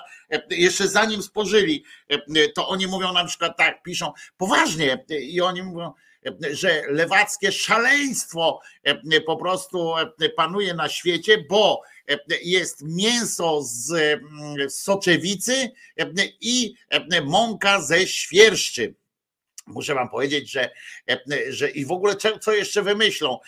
Otóż nie wiem, czy to można powiedzieć takiemu, takiemu cymbałowi. I ciekaw, ciekaw jestem, czy on to, to przyjmie w ogóle do wiadomości, że no panie foliarzu, czy, czy panie inny tam chrześcijaninie, nie ma mięsa z soczewicy, kurwa. Nie ma. Są kotlety z soczewicy na przykład, ale one nie są dalej mięsem. Na tym polega urok kotleta z soczewicy, że on zastępuje po prostu w pewien sposób, czy tam soi, czy z czegoś, że potrafi zastąpić, ale nie jest to tak jak to tak jak e, e, tutaj z kolei XYZ przyznał, e, przypomniał, że jaja w proszku. No weź, no tak, no na przykład są jajka w proszku, jest woda w proszku nawet. W kosmos tam biorą wodę w proszku i są różne rzeczy. Są to po prostu e, e, takie szaleństwo, nie? że od, oni od razu mają taki imperatyw, że coś jest na świecie i od razu trzeba, to po pierwsze, a po drugie, e, to są naprawdę takie takie pomysły rodem z konopielki wszystko. Wiecie, że się krowy nieść przestaną, czy kury przestaną mleko dawać. Rozumiecie? To, to od razu jest jakiś taki sygnał mi się przypomniało od razu. To pierwsze to mi się przypomniało rzecz jasna natychmiast po tym jak po pierwsze kolejnego wysrywu po tych, po tych świerszczach i tak dalej, e, bo mają teraz używanie, że to po prostu świat się kończy. To jest tak jak e, kobietom głosować pozwolono, nie? To też świat się kończy. Koniec cywilizacji następuje, no kobiety będą głosowały. Potem tam e, były różne inne tam rzeczy, że wiecie, telefony, 5G, to wszystko jest koniec świata a w międzyczasie było inne, na przykład tutaj e, wiatraki szkodzą, szkodzą e, produkcji rolnej, e, pisze, słuchajcie, naprawdę XXI wiek, trzecia dekada XXI wieku i wiceminister rolnictwa pisze, wiatraki szkodzą produkcji rolnej, ja to mam nawet na takiej większej sytuacji, słuchajcie, bo on to na Twitterze napisał i tam wspiera, wiatraki szkodzą produkcji rolnej, czy wierzy, że? W ogóle tam jest Stop wiatrakom, e, e, praca siłowni wiatrowych. Nie uwierzycie, ci, co są na streamie audio i tak mi nie wierzą, że to jest naprawdę. E, albo ci, którzy nie oglądają teraz ekranu. Nie, nie uwierzą mi, że to jest naprawdę, bo, bo Kowalskiemu weszła konopielka tak głęboko, że buty kaziuka wystają mu normalnie z dupy. Praca siłowni wiatrowych ma negatywny wpływ na zdrowie zwierząt. Tak poseł na Sejm pisze i słuchajcie dalej. Bliskość wiatraków wpływa niekorzystnie na wyniki produkcyjne zwierząt. Wiecie, że generalnie zwierzęta mają wyniki produkcyjne. Nie wiem, czy e, jakieś limity, e, czy pan Kowalski tam stoi z jakąś taką e, ekerką i mierzy te wyniki produkcyjne. Ciekawe w ogóle, czy to jest stresujące zajęcie dla takich zwierząt produkcyjnych, zwierząt, które mają swoje wyniki produkcyjne, mają swoje tabelki, rozumiecie, i czy dla nich tam jest też ASAP, jak w tej, że może my tak źle myślimy, może to życie My tutaj stawiamy na to często, że e, tym zwierzętom się źle żyje w tych ubojniach, w tym, no w ubojni się najgorzej żyje chyba, ale mm, e, w tych wszystkich e, hodowlach się żyje z powodu tym kurczakom, wiecie, tym wszystkim, że im się żyje źle z powodu złych warunków takich fizycznych po prostu i że tam za ciasne boksy mają, że strają na siebie, że pod siebie i tak dalej. I my błędnie po prostu interpretujemy rzeczywistość, bo być może jest tak, tak, że one faktycznie największym problemem dla takiej krowy czy byka rozpłodowego albo owcy i, czy innych tam zwierząt produkcyjnych, że one na przykład mają straszny stres, bo, bo właściciel rozsyła im zadania, rozdziela, tam często z napisem ASAP na przykład, że ma tam mięso, to jest tak, że, że to jest taki, korup, taki korporacyjna sytuacja to jest. I że tym zwierzętom najbardziej przeszkadza nie stres związany z jakością życia takiego fizycznego, tylko ta ciągła presja na, na wyniki, rozumiecie, ciągła presja na wyniki. Mają takie i z tym tym jest problem być może w, świecie zwierząt hodowlanych, zdaniem e, pana Kowalskiego, że, że to tak wygląda, bo e, bliskość wiatraków wpływa niekorzystnie, one się nie mogą skupić, na przykład taka kura się nie może skupić i jaja nie, nie znosi. Słuchajcie, dobowe przyrosty masy ciała tuczników hodowlanych przy wiatrakach są niższe od tych, jakie można normalnie zaobserwować. E, e, krótko mówiąc, e, to tak jak w konopielce, nie? Po co im ta droga? Będą ludzie przychodzili, albo elektryfikacja, a co to ja? Talerzów nie umiem umyć, że tam zmywarkę za nas, albo coś tam takiego, co to jest? Talarków nie potrafię umyć. To co? Może mi pod, pod pierzynę też wejdzie taka maszyna. No tak, pan Kowalski tak właśnie myśli, ma takie, takie właśnie pojęcie o elektryfikacji. I słuchajcie, wiatraki mają również stresogenne oddziaływanie na organizm zwierząt. E, e, zobaczcie, jaki troskliwy. E, rozumiecie? One sobie tam, zdaniem Kowalskiego, zwierzęta sobie w tych, w tych takich wysoko rozmiarowych, takich dużych różnych przedsięwzięciach stoją sobie po prostu, e, e, żyją jak pączki w maśle. E, te na przykład lisy, które są na futerka robione, te kury, które są jak takie te bojlery, czy jak to tam, że nóg nie ma, mięśnia nie ma i tak dalej, tylko po prostu w ciągu dwóch tygodni, czy dwóch tygodni, to strata czasu, ile to trzeba karmić, w ciągu tygodnia są szprycowane tak, że od razu na stół po prostu trafiają jako e, filet już, e, to one sobie żyją spokojnie, tak pięknie mają. E, te kurczaczki małe, które się rodzą i w życiu nie poczują ciepła matki, to one super mają. One po prostu gospodarze, ci właściciele tych hodowli dbają o ich dobrostan, o ich jakość życia. One tak sobie i tu nagle, proszę was, przy takiej ubojni świń stanie, rozumiecie, wiatrak i te zwierzęta się zestresują i nie będą chciały zdychać, rozumiecie? Może jeszcze będą się wyrywały, bo one się nie wyrywają stamtąd, dlatego że mają poczucie takie, że widzą, jak krew spływa ich sióstr i braci. To, tutaj ich nie, jakoś nie stresuje tak za bardzo, to, to krwi nie widziały, ale wiatrak no ludzie, e, e, przecież to szumi jakoś tamten. Nie no kurwa, kilometr e, od domu wiatrak stoi i jak on ma normalnie umierać, nie? albo jak jajo ma znieść. To jest normalnie, to są ludzie, to są ludzie naprawdę tego pokroju, kurwa, oni naprawdę tak myślą. Zobaczcie jeszcze raz, żeby to nie było, że ja sobie to wymyślam. On jeszcze zrobił taką sytuację inną, ma też Kowalski o pożarach, że, że wiatraki to również są pożary po prostu, bo najczęstsza sytuacja jest taka, najczęstsza, bez, bezwzględnie zdaniem Kowalskiego jest taka, że wiatrak tam się zapala i jak to skrzydło takiego wiatraka pójdzie z tym ogniem, to normalnie całe wsie płoną. No, koniec jest cywilizacji białego człowieka, jak takie skrzydło płonące, bo wiatraki generalnie stwarzają zagrożenie pożarnicze. Cały czas to, to leci potem jak z petarda po prostu. Ale przyznacie, że e, pomysł na to, że, e, że trzeba wyłączyć wiatraki, ponieważ e, kury się przestaną nieść i albo krowy się przestaną nieść, a kury dawać mleko, to jest pomysł tak zdupny. Kto, gdzie on tam siedzi, rozumiecie?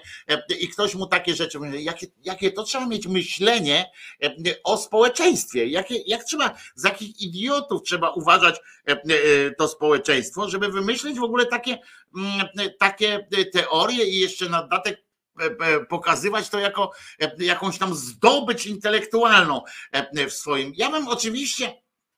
Ja bym oczywiście, nawet miałem taki pomysł, żeby pozbierać te, te, trochę tej propagandy, takiej artykułów z pierwszych gazet, jak tam prąd miał trafiać do różnych wsi i te wsie i nawet rządy różne się broniły przed, takim, przed takimi rozwiązaniami. Pamiętam, z, czytałem takie książki właśnie o tym, jak, jak miasta całe miały przystępować do miasta, miały przystępować tam zakładać pierwsze te wymieniać na przykład latarnie, takie oświetlenie wprowadzać do miast. Wiecie, ile było głosów w tych miastach przeciwników wprowadzania elektryczności? Ja wam powiem tak. Oczywiście elektryczność ma swoje, y, swoje y, złe strony ale one akurat nie dotyczą kurwa takich rzeczy, że krowy nie, nie niosą, a kury nie dają mleka.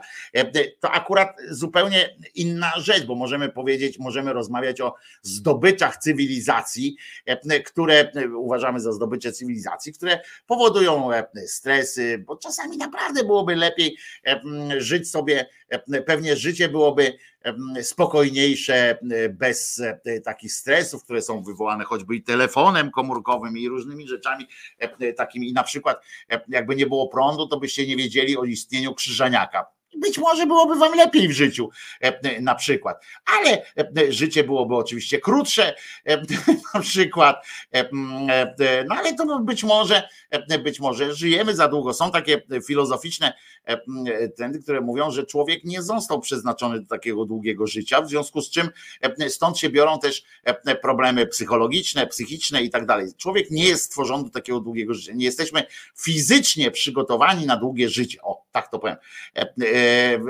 i predestynowani do takiego długiego życia, które się uważa za tą średnią 70 lat, to, że to jest długie życie na przykład, nie? To, to my nie jesteśmy na to przygotowani, dlatego się nudzimy potem po, e, później i dlatego chorujemy i tak dalej, a medycyna nam przeszkadza spokojnie sobie umrzeć po prostu w wieku 50 lat na przykład.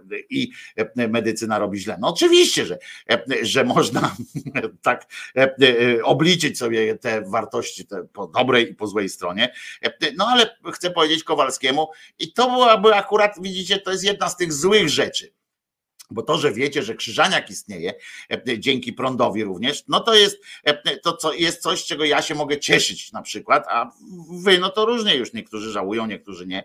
E, natomiast to, że świat dowiedział się o istnieniu Janusza Kołowskiego, jest też wynikiem tego, że gdzieś tam jest jakiś prąd, że kablami ten prąd gdzieś przechodzi, rozumiecie, i że dojeżdża do, dolatuje tu, gdzieś tam, gdzieś i tak dalej. Panie Kołolski, muszę panu powiedzieć, ile krów przestało się nieść i ile kurczaków przestało dawać mleko przez to, że te linie wysokiego napięcia lecą.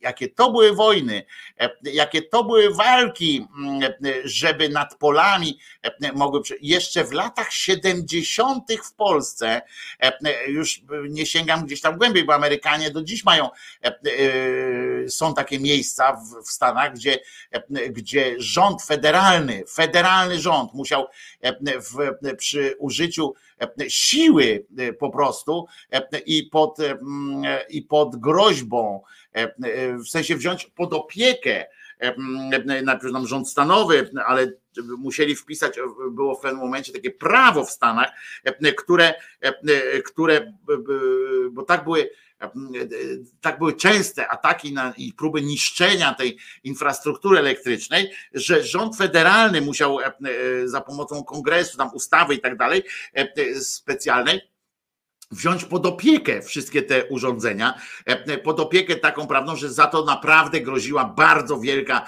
e, bardzo duża e, kara i sankcja i w ogóle, w ogóle z możliwością tam wywłaszczeń i tak dalej, jak wprowadzali tę elektryfikację. Ponieważ część ludzi naprawdę była przekonana, że właśnie kukurydza przestaje rosnąć, no, no różne rzeczy tam były. Udowadniali, że tam na trasie, że jak jest pod taki pas pod tym w, słupami wysokiego napięcia, to ta kukurydza jest o milimetr mniejsza albo e, ma jedno e, ziarno mniej e, i tak dalej, nie? Wiecie o co chodzi. Dzisiaj to już nikomu nie przychodzi to do głowy, żeby tak mówić, ale tak było, bo jak się wprowadza nowe rzeczy, to niektórzy tak szaleją. W Polsce w latach 70. jeszcze były takie miejsca, pewnie rodzinny dom pana Kowalskiego też może z tego słynął akurat, w którym się bronili przed, przed dopuszczaniem słupu wysokiego napięcia. Poważnie, gdzie były miejsca, w Polsce, gdzie zawieszanie anteny telewizyjnej na swoim domu było, wiązało się z ostrym niebezpieczeństwem. I to nie chodziło o, że, że ona pioruny ściągała, to też był tam, była też jazda, ale że w ogóle w domu panuje inna atmosfera wtedy, jeżeli tam jest taka zwykła, pamiętacie, ta zwykła taka antena telewizyjna. I naprawdę tak, tak się działo. Kowalski jest tego typu umysłowym tucznikiem po prostu. On jest głupi do nieba, jak to się mówiło, wysoki do nieba, duży do nieba, głupi jak trzeba. E, e, to jest naprawdę jeden z najgłupszych ludzi, których ja poznałem. E, tak, no całe szczęście, nigdy nie, nie musnąłem jego fizycznej emanacji na tym świecie, ale to jest jedna z najgłupszych i najbardziej szkodliwych takich wprost postaci na naszym politycznym firmamencie po prostu. To jest coś strasznego. Coś strasznego, że ten człowiek i on będzie posłem następnej kadencji, jestem o tym przekonany, bo on jest też egzemplifikacją takiego twierdzenia, że ważne, żeby cię widzieli, nie? ważne, żeby cię widzieli. Taki błąd zrobił na przykład ten szef niegdysiejszy Rady Mediów Narodowych, on mm, po prostu sobie y, żył jak, jak roślina, którą tylko trzeba podlać. Wstawał tylko, żeby się odlać. I, i on sobie tak żył przekonany będąc, że jest pupilem prezesa, w związku z czym prezes go wstawi na tę listę i faktycznie wstawił go na numer jeden, na liście gdzieś chyba w Olsztynie, czy gdzieś na, na Warmii, czy Mazurach, nie pamiętam, gdzieś go tam wstawił numer jeden, ale i tak do Sejmu się nie dostał. Ponieważ go nie, nie widziano, nie, nie pieprzył nawet głupot. Ważne, żeby pierdzielić jakieś w ogóle farmazony, ale potem jak ludzie patrzą na, na listę tą wyborczą, tam patrzą na przykład, aha, no chciałem zagłosować na PiS na przykład, no to patrzą i kogo tam znają, rozumiecie, to, to go wykreślają. I ten Kowalski pewnie powinien się dostać. Jakbyście się chcieli dostać do partii, to warto byłoby do tej, do Sejmu, to warto byłoby się nazwać. Teraz jeszcze macie czas iść do urzędu w swoim mieście i wystąpić o zmianę imienia, nazwiska, nazwać się Janusz Kowalski potem zapisać się do PiSu, zapłacić, zapłacić tej tam lokalnej społeczności pisowskiej, tam organizacji za to, żeby was wrzucili na listę wyborczą. I jak będziecie na tej liście wyborczej jako Janusz Kowalski, to macie wysokie prawdopodobieństwo, że jednak was wybiorą. Trochę będziecie musieli tam w okolicy e, narobić sobie hałasu, ale co to za problem pisać o, e, czy tam zrobić jakiś plakat, że wiatraki niszczą i, i, i tak dalej. E, jeszcze raz wam to przypomnę, bo, bo to jest naprawdę, to, to są rzadkie momenty aż takiego gówna strasznego. Bliskość wiatraków, że, że człowiek aż tak pokazuje, że jest głupi. E, to jest naprawdę rzadkość i, e, i pan Redliński, e, który napisał fantastyczne rzeczy, bo pan Redliński jest autorem między innymi Konopielki, ale również takiej innej powieści, która ona była takim, takim reportażem niby, która świetnie oddawała E, świetnie oddaje pewną e, mentalność taką miejsko-wiejską, tak jak ktoś chce być bardziej miejski, e, a pochodzi ze wsi i tak dalej, takiego awansu społecznego, się nazywał. To jest ten, ta książka nazywa się Awans, też jest pana Redlińskiego. Zresztą był film też Awans. Tam chyba grał główną rolę pan Marian Opania, z tego co pamiętam.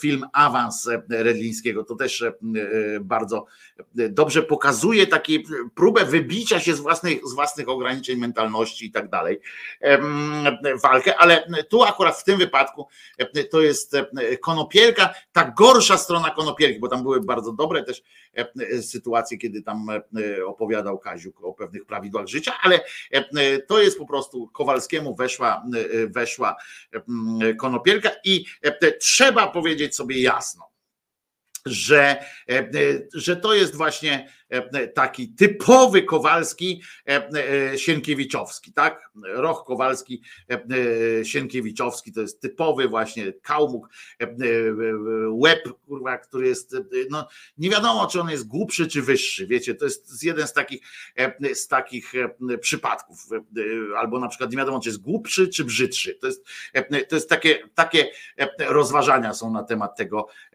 tego pochlasta tutaj ktoś pisze, co się dziwisz, że, że on jest przecież emanacją, e, e, e, emanacją.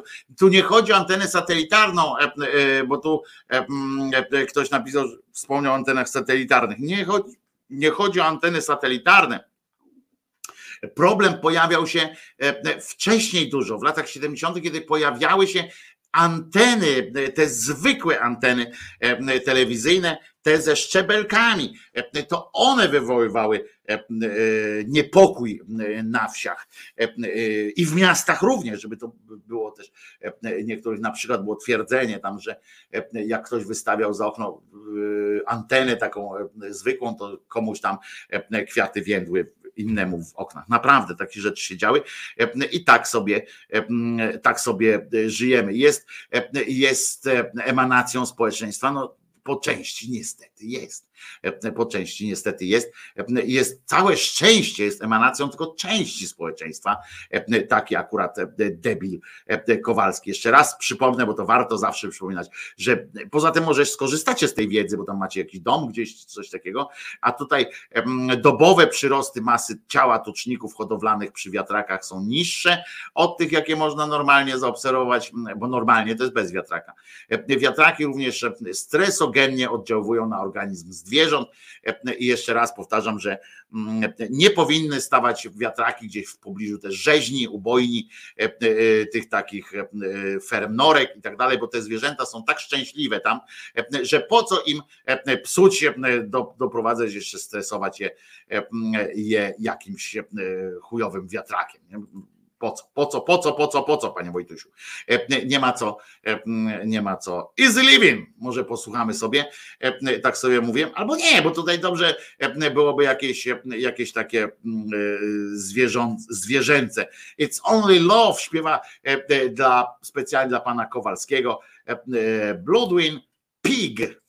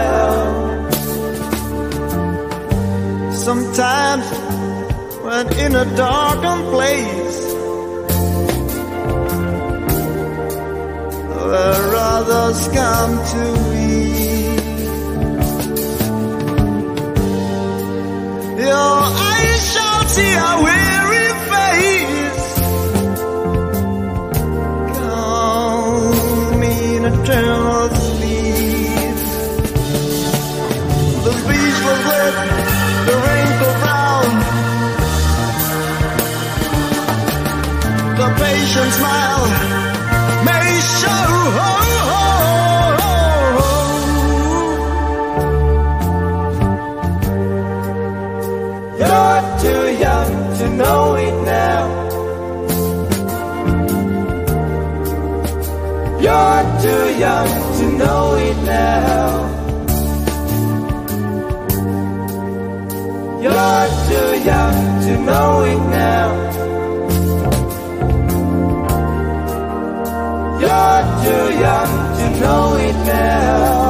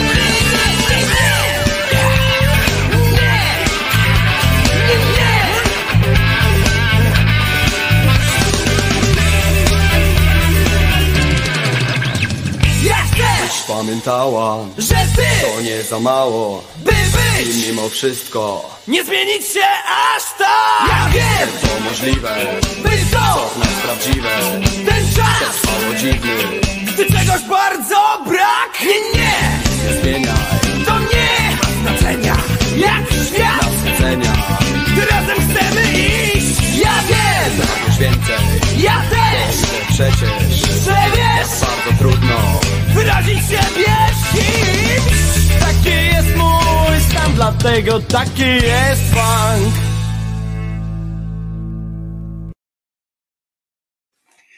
Wojtko Krzyżaniak, głos szczerej słowiańskiej szydery w waszych sercach, rozumach i gdzie tylko się grubasa w- wciska. E, I proszę was, muszę wam powiedzieć, że zawsze chciałem być e, perkusistą.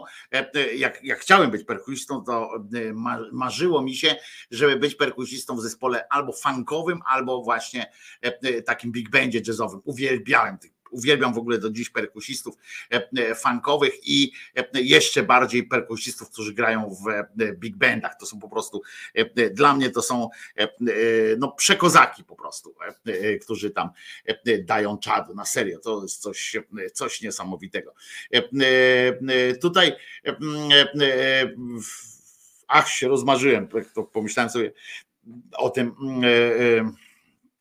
O tej sytuacji. E, No więc e, wiemy już o e, Kowalskim i by się wydawało, że już jak coś takiego istnieje, no to głupszych rzeczy trudno ze świecą e, szukać, jak mówią, no ale, ale jednak pewne, pewne sytuacje zawsze się pojawiają i zawsze można liczyć na to, na to, że e, ktoś coś głupszego e, wymyśli. Otóż e, e, Otóż na przykład e, e, dzisiaj e, e, chciałem wam po, powiedzieć, bo e, wzruszyła mnie e, informacja od e, Aliny Czyżewskiej, e, e, która wspomniała e, o e, m, pewnym e, e, regulaminie e, pewnej, e, pewnej szkoły, e, w, której, e, m, w której mm, e, uczniowie, e, e, w której uczniowie muszą e, e, muszą e, e, iść e, e, do toalety, e, e, do toalety e, szkolnej w, w towarzystwie, w towarzystwie e, osoby e, dojrzałej, dorosłej, a nawet, e, a nawet e, nauczyciela. I e, jest regulamin szkoły, który e, do tego do tego zmusza. O na przykład w regulaminie jest coś takiego i żeby było jasne, ja o tym mówię też dlatego, że nie tylko dlatego, i to będzie też coś więcej do tego jeszcze. Wspominam o tym nie dlatego, żeby powiedzieć po prostu pośmiać się z tego, że regulaminy szkolne są, są jakieś w ogóle kodeksy, tam statuty szkół i tak dalej, że to jest jakaś wylęgarnia główien po prostu, takich legislacyjnych, które później, które później przekładają się na, na życie ludzi w tym sensie, że oni wyobrażamy sobie, że tak trzeba po prostu żyć. My często mówimy, że na przykład w Sejmie, w parlamencie, generalnie w, w różnych urzędach są jakieś statusy, które, statuty, które, które są irracjonalne i które są głupie po, po, po prostu. A potem możemy zerknąć, skąd się to wszystko bierze. I to się bierze z dołu, od samego dołu. I nie wiadomo właśnie, co było pierwsze jajo czy kura, ale jak tylko ktoś dostaje, to jest prawda taka, jak tylko ktoś dostaje ułamek, jakiś milimetr władzy, to natychmiast chce tę władzę jakoś nazwać, jakoś właśnie ostatutować, jakoś obudować, albo po prostu pokazać, że teraz ja tu moje tu będą rządzę, rządy, rządzę również często i, i że będziecie musieli słuchać mnie i tak dalej i tak na przykład ta rada tych dyrektorów, czy rada rodziców, czy trójka klasowa, czy cokolwiek, zaraz muszą stworzyć jakiś absurdalny przepis albo absurdalny statut, według którego mają żyć i próbują w nim ustalić najmniejszy szczegół po prostu. Nie idą tym przykładem, że, że można coś powiedzieć jakoś na pewnej zasadzie ogólności, bo e, ludzie są faktycznie coraz głupsi, tak mi się wydaje, tak in general, e, są coraz głupsi i e, coraz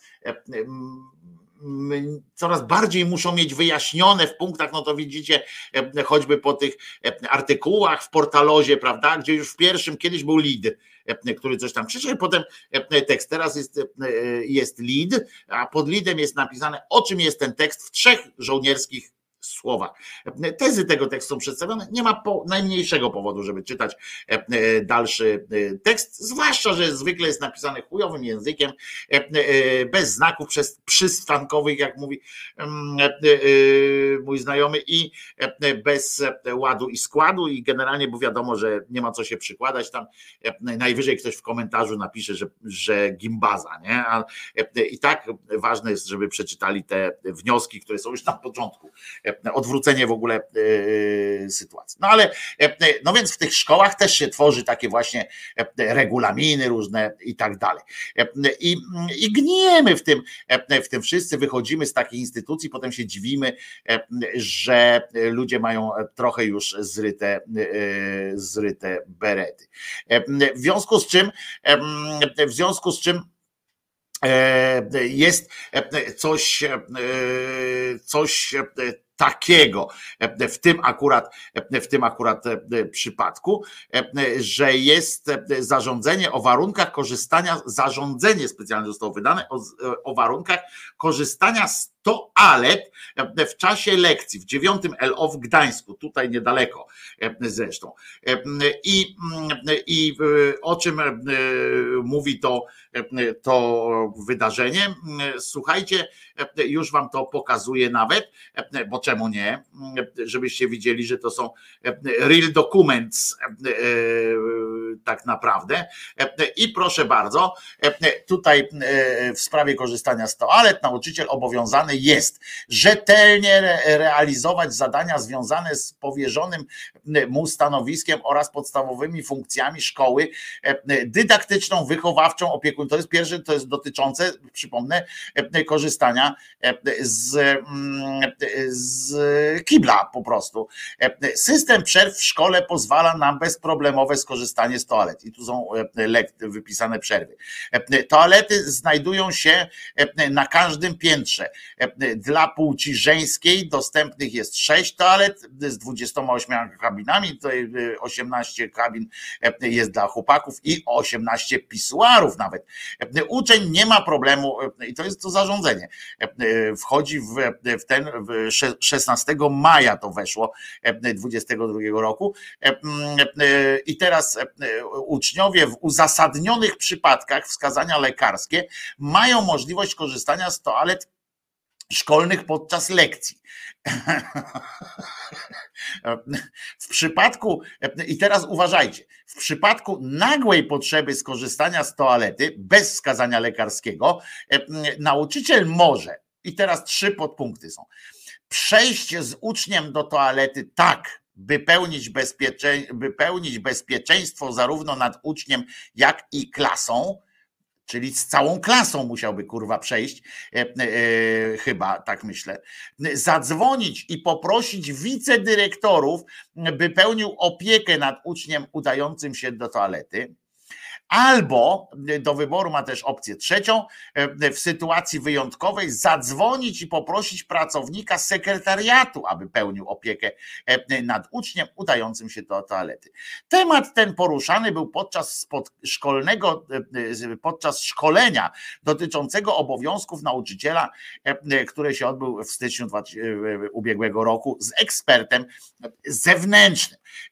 I mm, tak to wygląda, moi drodzy ale jest do tego jeszcze druga część, która, która głosi, że nauczyciel świadomy obowiązków wynikających z karty nauczyciela, każdą sytuację związaną z wyjściem do toalety podczas lekcji rozpatruje indywidualnie i podejmuje decyzję.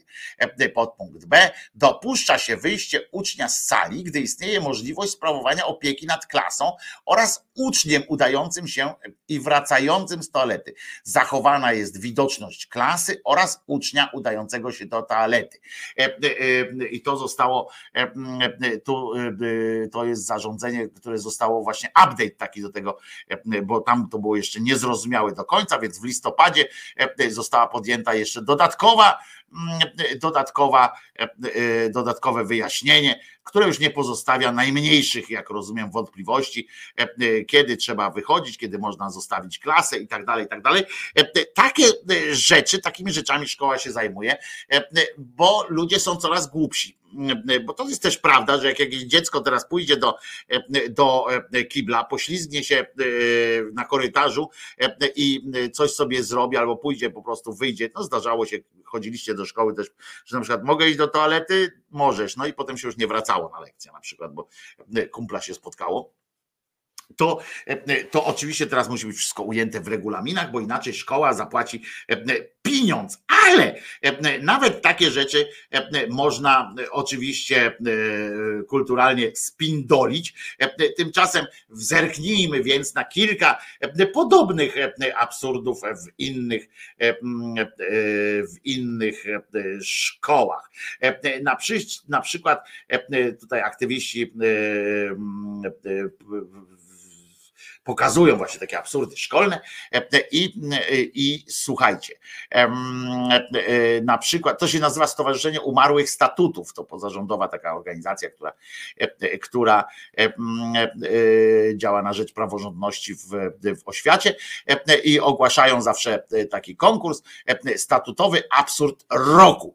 No i w ten sposób oczywiście chcą zwracać uwagę na, na te absurdy, żeby, żeby ich unikać, a w odpowiednich momentach, w takich już krytycznych sytuacjach e, stowarzyszenie też podejmuje interwencje e, w porozumieniu z Rzecznikiem Praw Obywatelskich, praw ucznia i tak dalej, i tak dalej, e, bo, bo część z tych, z tych nakazów czy tam statutowych zapisów jest po prostu niezgodna z konstytucją, niezgodna z obyczajem jakimś takim nawet, no niezgodna z, z zasadami zwykłej, zwykłej przyzwoitości, więc skierują to w różne sytuacje. I co ciekawe, na przykład w ubiegłym roku plebiscyt wygrało katolickie liceum ogólnokształcące im świętej rodziny z Nazaretu, e, bo, bo, żeby nie pomylić nad innymi świętymi rodzinami, kiedyś w ramach obchodów różnych katolickich e, e, świąt mówiłem wam, że tam jest jakaś święta, której mąż też jest święty, dwójka dzieci jest święta, trzecie błogosławione, a na końcu jeszcze pobłogosławiono ich, ich ojca wszystkich, żeby wiadomo było, że święta rodzina musi być pełna a nie niepełny. E, więc e, e, szkoła ta w swoim statucie miała zapisany, uwaga, i tym wygrali. Zakaz, przypominam, że to jest szkoła katolickie liceum ogólnokształcące, znaczy katolickie to już nie ogólnokształcące, ale już z Krakowa. I oni mieli tam zapis taki, że zakaz, zakaz uprawiania seksu przez wszystkich E, także pełnoletnich uczniów, e, zarówno w szkole, jak i poza nią. E, czyli jak ktoś tam chodzi do szkoły, miał zakaz uprawiania seksu, a niezależnie od 19 lat, 18, nie wolno uprawiać seksu i tak dalej. Potem, potem na przykład inni, inne szkoły, o najbardziej fajny, zespół szkół elektrycznych w Bydgoszczy, to u nich statut wymaga, uwaga, aby uczniowie zgodnie współżyli z zespołem klasowym na zasadzie podporządkowania. Czyli żeby zgadzali się e, e, z góry, mają się zgadzać. Statut nakazuje e, tam, że ten nauczyciel ma przewagę pod każdym względem, jest, mają mają zgodnie współżyć z zespołem klasowym na zasadzie podporządkowania. Takich rzeczy nie wpisuje po prostu. Inny przykład, o to jest też dobre. Szkoła podstawowa numer 17 w Koszalinie. Za złe zachowanie uczniowie mogą być ukarani, uwaga, pomocą panu konserwatorowi przy pracach szkolnych lub oddaniem czegoś swojego na zamianę. Czyli wykupywanie się, krótko mówiąc, ale ja pamiętam w szkole akurat to, jak mnie ktoś kierował do tego, ważne było, żeby to w czasie zajęć było, prawda, tam pomoc panu konserwatorowi.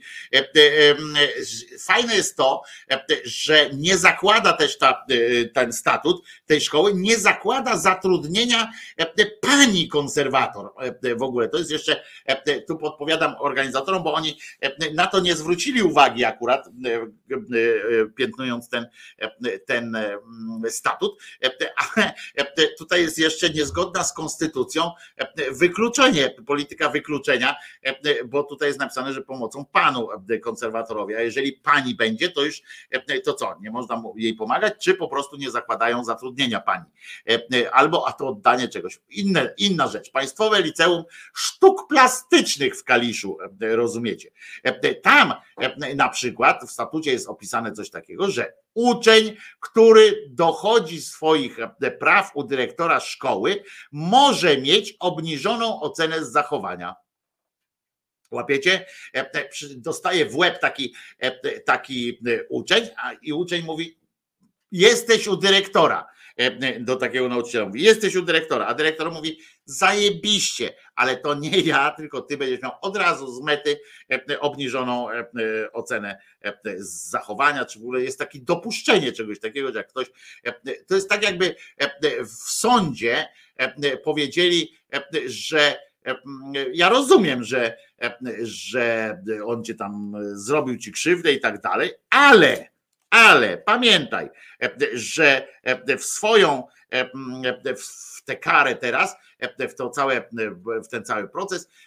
Mamy jeszcze wpisane coś takiego, że u ciebie na wsi, czy u ciebie we wsi rozgłosimy, że byłaś zgwałcona, że nie jesteś dziewicą, że w ogóle nikt cię nie szanuje, że można wpaść do twojego domu i cię zgwałcić i tak dalej. No bo nie wiem, co jeszcze można. To takie przeniesienie na, na życie, życie dorosłe, prawda? Że że co, że jakoś musisz ponieść jakąś stratę moralną, na przykład, że nie będziesz mógł głosować w następnych wyborach, jeśli w, tych, w tym roku, w okresie międzywyborczym podejmiesz jakieś tam na przykład działania przeciwko państwu, prawne działania, na przykład jak się upominasz do Strasburga, to nie możesz głosować w, w polskich wyborach na przykład. No, takie coś. Potem na przykład szkoła z z kolei, numer 14, podstawówka 14, to wewnątrzszkolne prawo przekonuje, uwaga, że uczeń i teraz może za pozwoleniem nauczyciela zaspokoić pragnienie. No tu oczywiście mojemu choremu rozumowi podpowiada y, na pewno lewacki jakiś tam szatan czy coś, podpowiada rozwiązanie, e, które ten uczeń e, by mógł na przykład wykorzystać e, jako pozwolenie na, na seks z panią nauczycielką, z panem nauczycielem, po prostu, bo tutaj pragnienie, pragnienie bliskości, pragnienie spełnienia, pragnienie zaspokojenia rząd swych, albo pragnienie pragnienie zaspokojenia chuci. E, e, ma takie pragnienie i za pozwoleniem nauczyciela może zaspokoić pragnienie Teraz i tylko teraz jest jeszcze pytanie, bo to oczywiście katecheci na pewno chętnie z tego korzystają, e, że może za pozwoleniem nauczyciela zaspokoić pragnienie, ale jeszcze można zapytać, czyje, bo ja bym tam wprowadził jakiś błąd, że na przykład może za pozwoleniem nauczyciela zaspokoić jego pragnienie. I tutaj decydujemy o tym, jakie pragnienie ma akurat nauczyciel i co zatem może ugasić taki uczeń katecheci świata całego propsują na pewno takie taką interpretację e, tego przepisu. Kurwa, i tego jest masa cała e, w szkołach. Uwaga, Lublin, proszę bardzo, chcecie Lublin, macie Lublin. E, szkoła podstawowa numer 50 w Lublinie. Uczniowie, którzy nie chodzą na religię, uważajcie, według statutu tej szkoły. Uczniowie, którzy nie chodzą na religię, mają obowiązek pojawiać się na zastępstwach organizowanych za nią obowiązek. E, e, przypominam, że religia nie jest obowiązkowa, ale już siedzenie, e, zajmowanie sobie 45 minut życia jest jak najbardziej obowiązkowe. Potem, co tu jeszcze jest? O, o, Kielce, to jest też dobre. Tam jest, zwróćcie uwagę, że podstawową, jedną z głównych takich cech wszystkich najgłupszych regulaminów jest jakiś przydomek świętego przy w nazwie tegoż e, przybytku e, wątpliwej edukacji. E, I tak na przykład święty Stasiek Kostka patronuje szkole liceum w Kielcach, w którym to według statutu ta katolicka szkoła, ale przypomnę, że ona jest katolicka, tak, bo, bo ma tam świętego i tak dalej w tym tym, ale tak naprawdę jest, jest świecką szkołą, normalną jak szkoła powinna być. I ona, uwaga, uwaga, w postępowaniu publiczna szkoła wymaga w procesie rekrutacyjnym uzyskać opinię swojego proboszcza.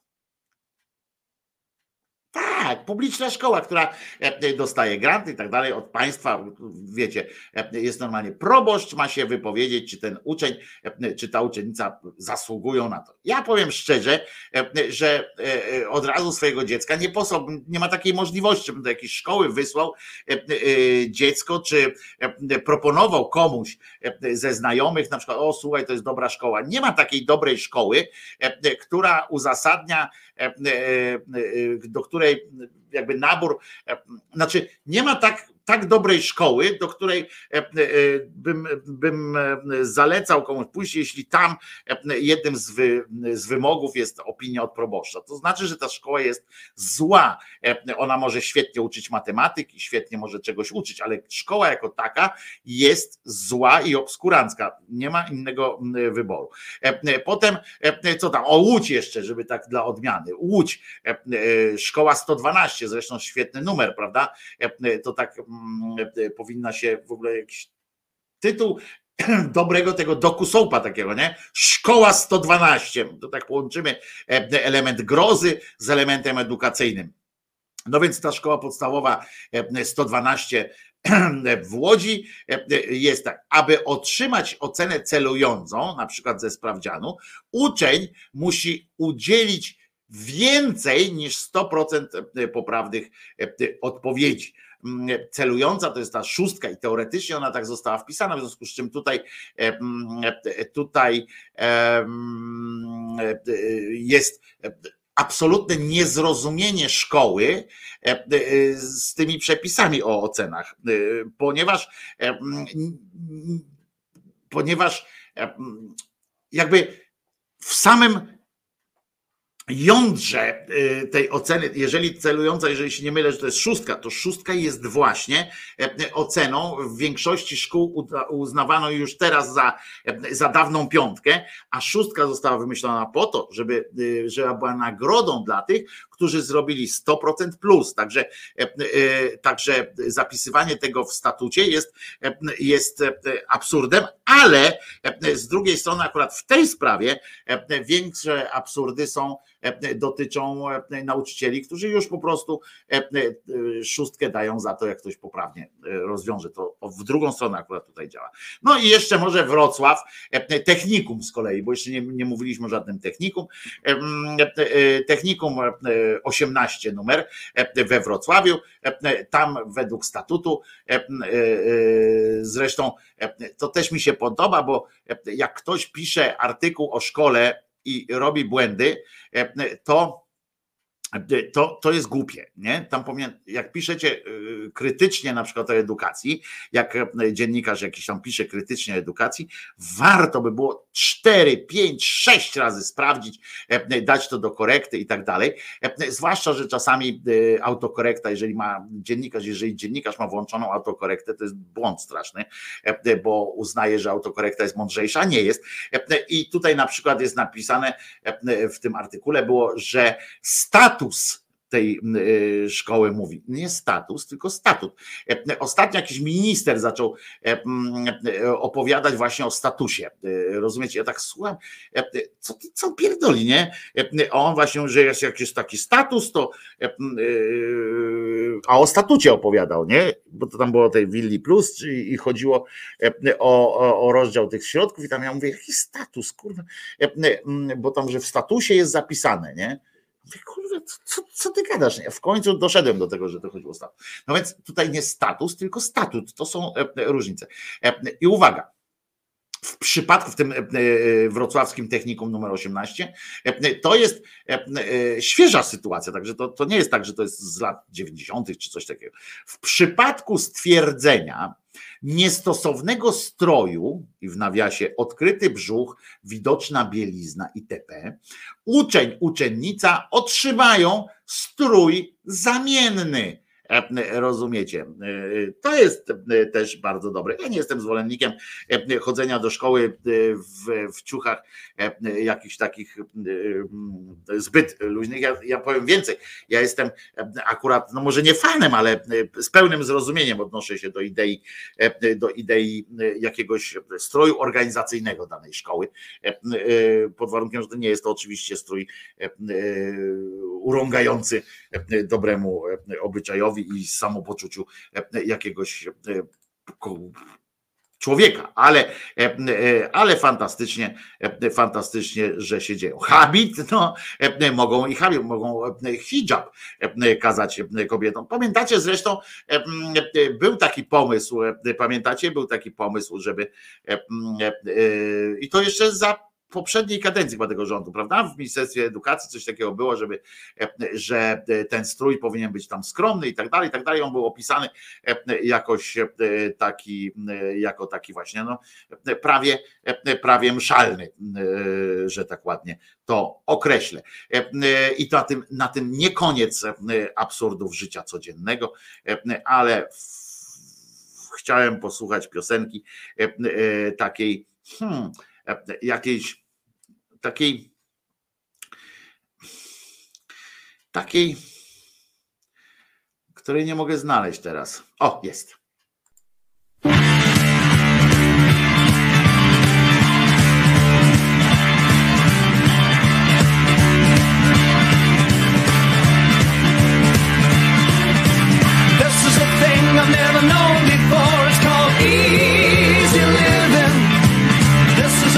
Suddenly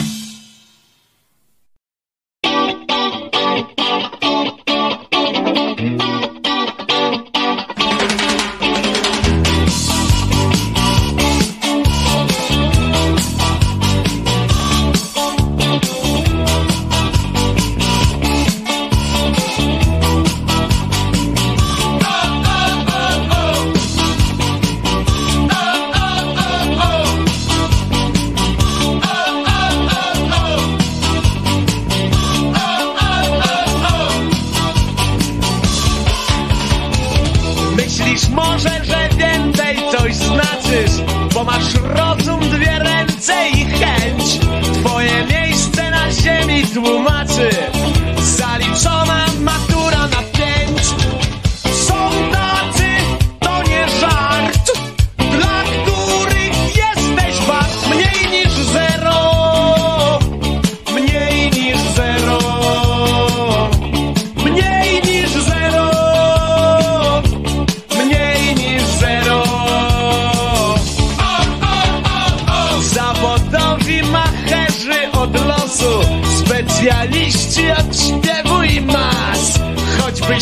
shall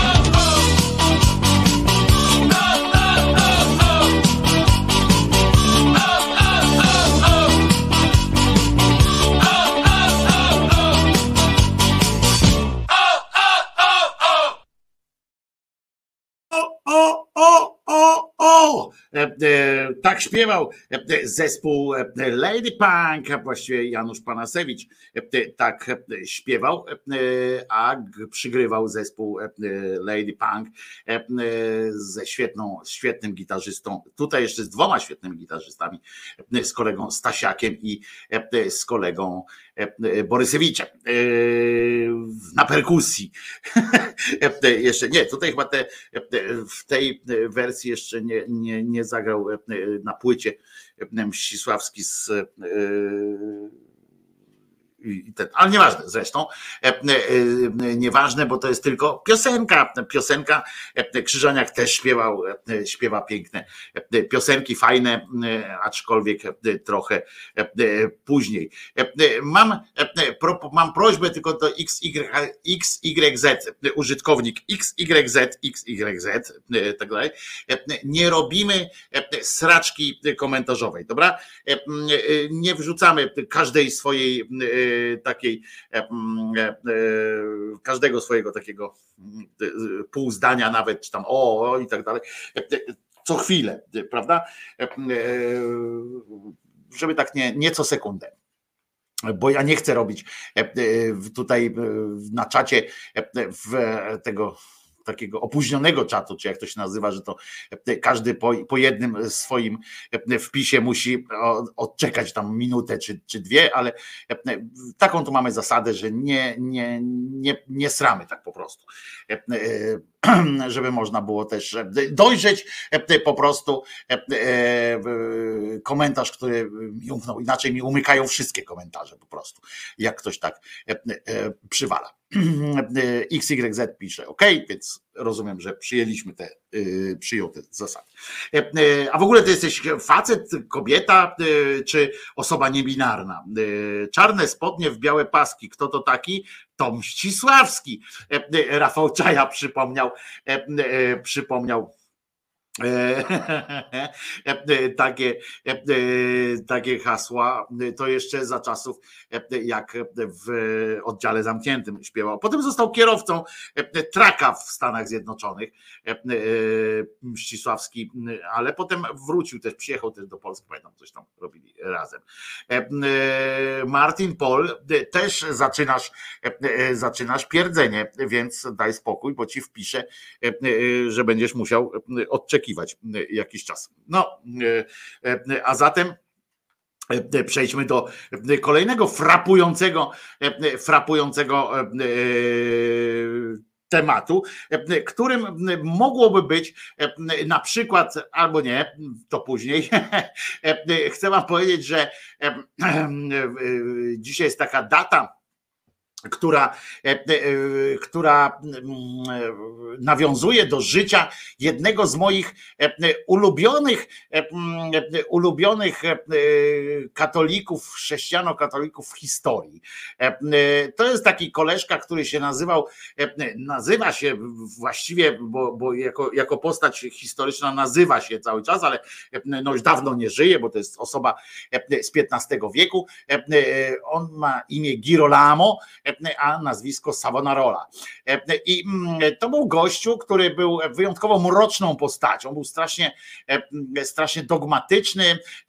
Z nim wiąże się też to, że w kościele nawet była wielka, wielka jazda jedni go wykleli, tam jeden papież go nawet wyklął potem, a dzisiaj jest uznawany za postać błogosławioną, za postać na granicy świętego. Nie, doznał, nie dostał takiego zaszczytu bycia świętym, natomiast był to taki dominikanin, Wyjątkowo, e, wyjątkowo, on był brzydki też podobno e, i to się jakoś odłożyło e, na jego psychice również. On był taką mroczną postacią, chodził w takim czarnym habicie, miał taki wydatny nos, w ogóle był taki, tak jak go opisują przynajmniej i to, i to z różnych stron i co ci go lubią i ci, co go nie lubią, opisują go podobnie.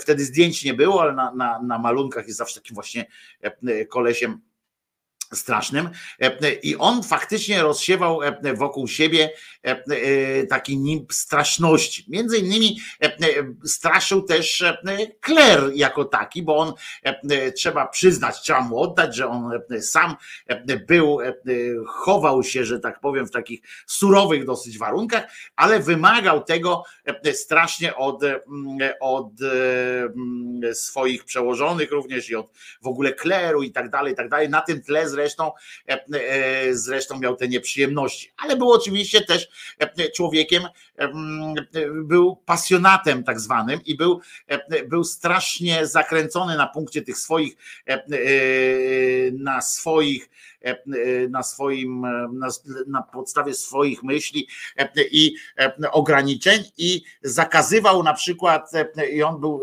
tym, który we Florencji na przykład bo tam żył i on się spotkał zresztą e, e, też z artystami, z zaprzeczeniem e, wolnego ducha artyzmu czy wolnej myśli filozoficznej.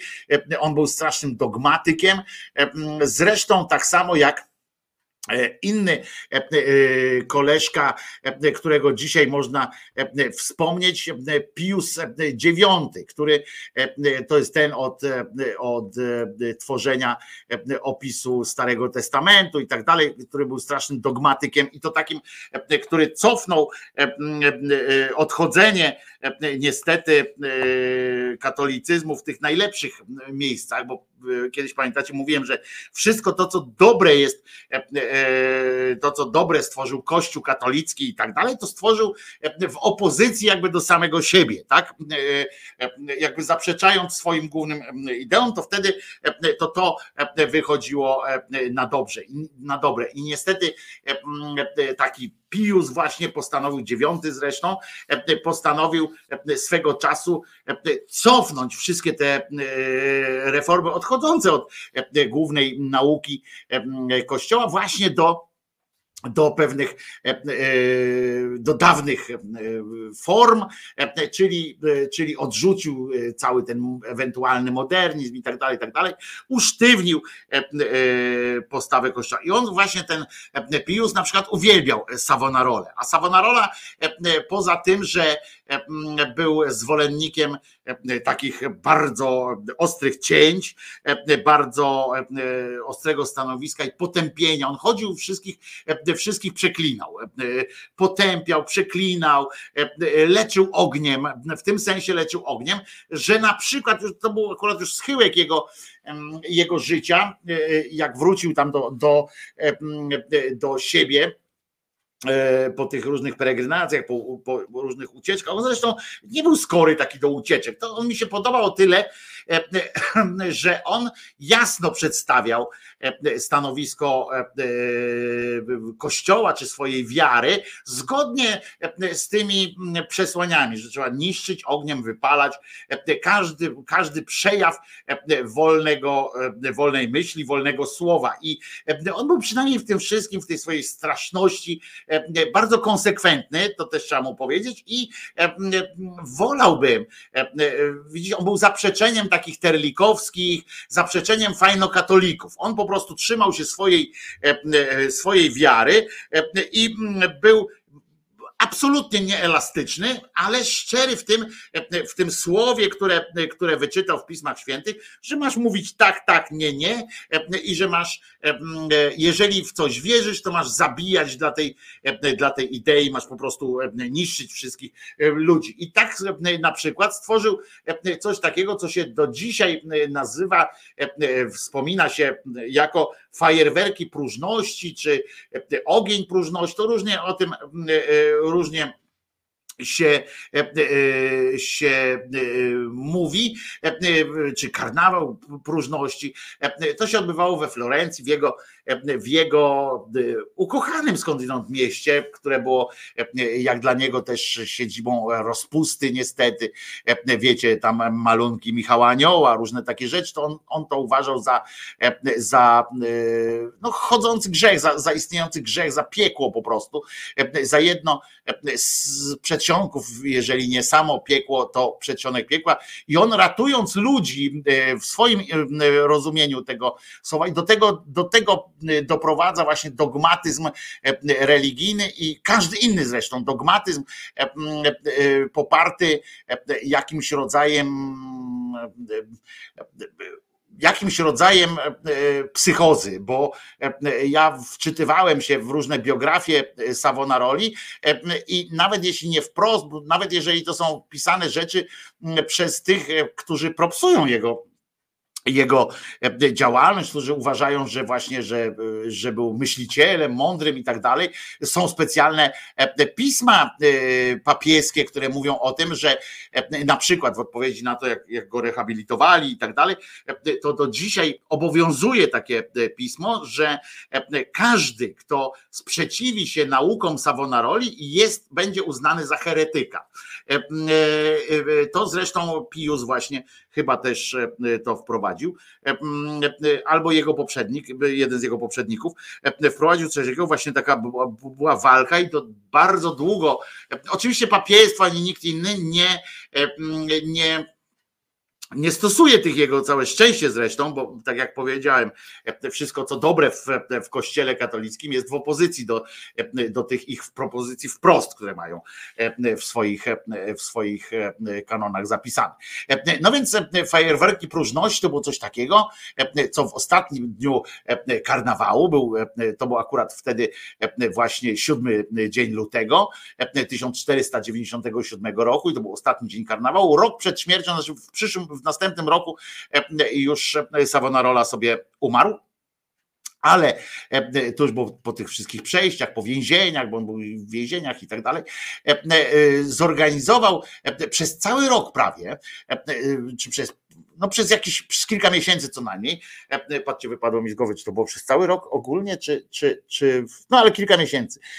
Zbierał wraz z wiernymi, takimi, którzy dali się ponieść jego, jego schizie, zbierał wszystkie rzeczy, które kojarzyły się z grzechem. Oczywiście z grzechem kojarzyło się Savonaroli wszystko, poza tym, co było niezbędne do przeżycia.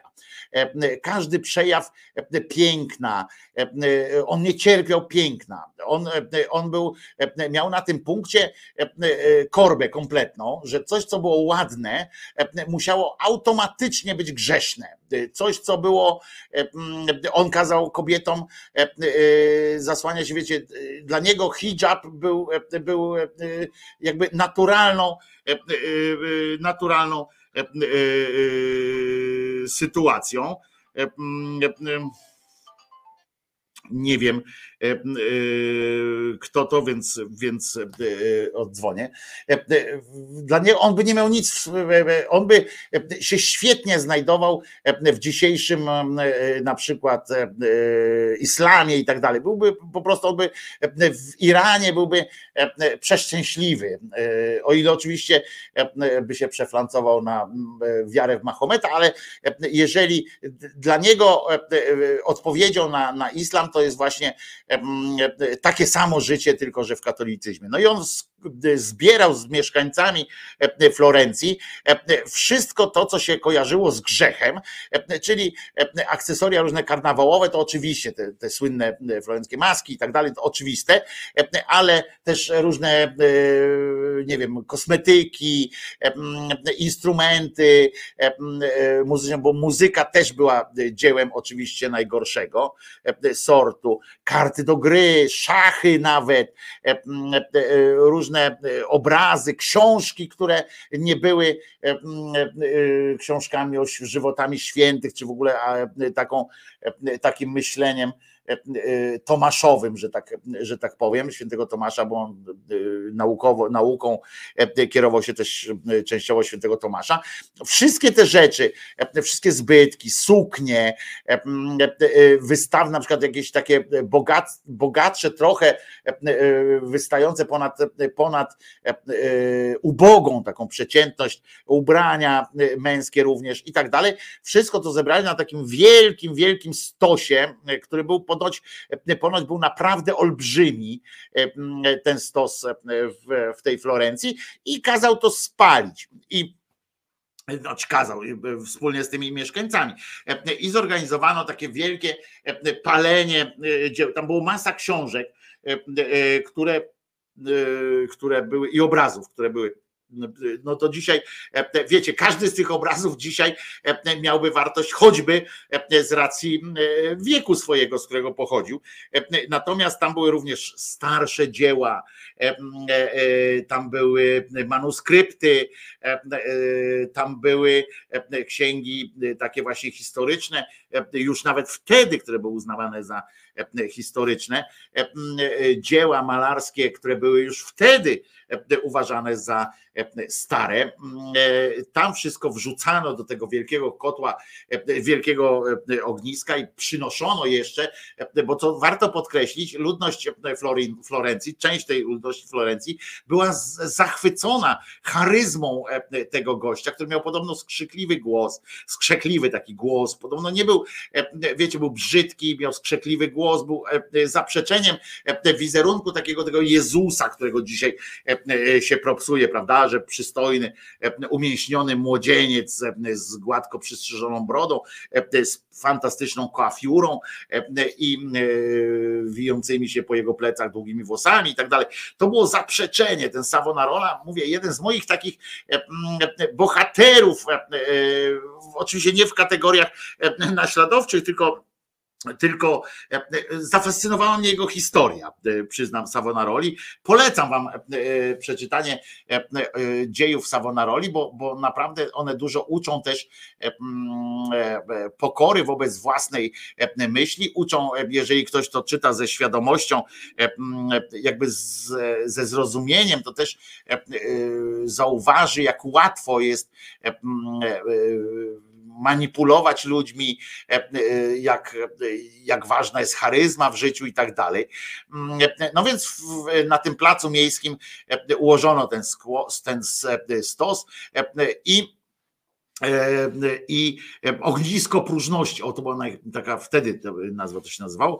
E, I oczywiście Savonarola między innymi był, był fanem takiej, takiej mm, napisanej w Ewangelii, zdaje się Mateusza, przepraszam Mateuszu Nogo, ale mm, E, e, gdzie Mateusz wspomina z tego kazania na górze e, Jezusowego niby, to on mówi, jeśli prawe oko gorszy cię, to wyłupie i odrzuć od siebie, a jeżeli prawa ręka twoja cię gorszy, odetnij ją i odrzuć od siebie. I on, i on był, on namawiał ludzi, sam nie odciął sobie niczego, bo jego członki go do niczego nie namawiały, przeciwnie, ale on pewne rzeczy przyjmował dosłownie i pewne rzeczy przyjmował w przenośni, ale tak specyficznie rozumiane. On mówi, że pewne rzeczy trzeba po prostu, po prostu wyrzucić ze swojego życia, i, mm, e, i, i już. Oczywiście był, był też był też mistrzem w wyciąganiu takich właśnie pojedynczych zdań e, na ich tle, e, korzystając z tego, że ludność generalnie nie czytała Pisma Świętego, czy tam e, nawet Ewangelii, to wykorzystywał je do, do tworzenia tych swoich różnych teorii i tak dalej. Ale, ale trzeba przyznać Savonaroli, że był niezłomny w tych swoich postanowieniach, że był człowiekiem, który E, który potrafił, mm, zjednywał sobie e, właśnie mm, e, stronników tym takim nieprzejednaniem w tym i mało tego i w jakby realizowaniu swojego własnego życia według tych zasad. Tym, tym samym zresztą, tyle że bardziej na pokaz niż, niż do końca swoich zwolenników zbierali islamiści później, już nawet w XX wieku na świecie, jak, jak w świat poszedł taki nim niezwykłości tych, tych islamistów, to zwróćcie uwagę, co zwraca do dzisiaj zresztą, jaka jest przyczyna odwracania się wielu chrześcijan, katolików albo osób poszukujących w kierunku właśnie islamu. To, że tam jest według nich oczywiście, bo to jest tylko, tylko bardzo niewielka część prawdy, którą tam widać. Oni się tak prezentują, potrafią się tak prezentować, jakby zgodność nauki z życiem, prawda? Oni prezentują się, jakby byli faktycznie tacy święci, jak i postępowali, wszystko robili zgodnie z pismem, z Koranem i tak dalej, i tak dalej. I że żyją w tych jaskiniach, taki jest mityczny obraz, albo że się dzielą swoim dobrem z bliźnimi, prawda? Ta, ta nauka, która mówi, że banki wyznawców Mahometa i Allaha tam nie mogą okradać i tak dalej, nie ma tej lichwy. I oni i żyją skromnie, prawda? Oczywiście to jest absurd, ale oni mają też wytłumaczenie, dlaczego niektórzy żyją bogato i tak dalej. To, to wszystko mają wytłumaczone, ale najbardziej ujmuje E, e, ludzi ta zgodność, pozorna zgodność życia e, z, z nauką, gdzie ich widać właśnie, jak oni są tak skromnie ubrani, albo ten, ten cały, jak on się tam nazywał, ten, co go zastrzeli w końcu, co ten największy terrorysta niby, Bin Laden, tak, to zobaczcie, jak on się zawsze tam fotografował na tle tych, tych jaskiń, tego wszystkiego, to strasznie u, u, ułatwiało zdobywanie tych stronników i tak samo było Savonaroli, on e, po prostu przemieszczał się po tym mieście, on miał ciągle gniewne spojrzenie, nigdy się podobno nie uśmiechał e, i, i żył i ludzie na niego patrzyli e, i widzieli w nim taką emanację gniewu Bożego, takiego, takiej prawdy Bożej i tak dalej. Dlatego mówię o nim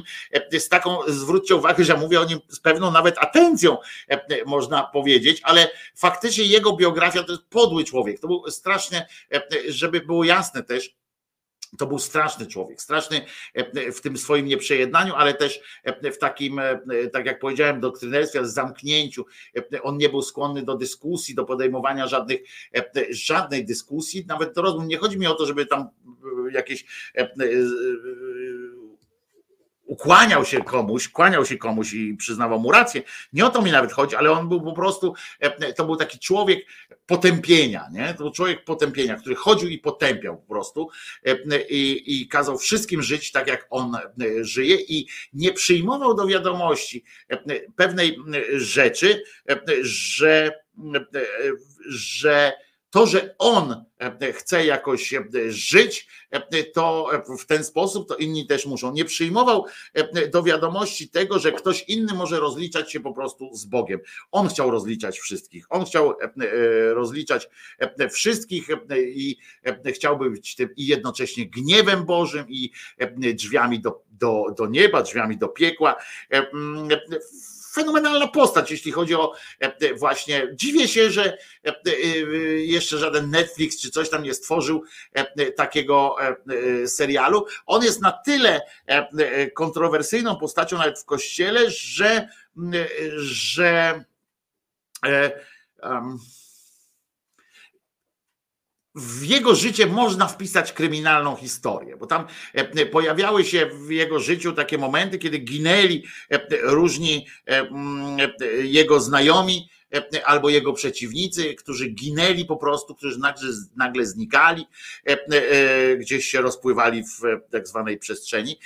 Ale jeszcze, no i on dzisiaj właśnie jest ta rocznica tego, tego wielkiego stosu, który był, który potem próbowano powtarzać jeszcze co jakiś czas i do dziś jeszcze jest coś takiego jak, jak to właśnie ognisko próżności, tylko ono jest, bywa w różnych miejscach, w mniejszym oczywiście wymiarze.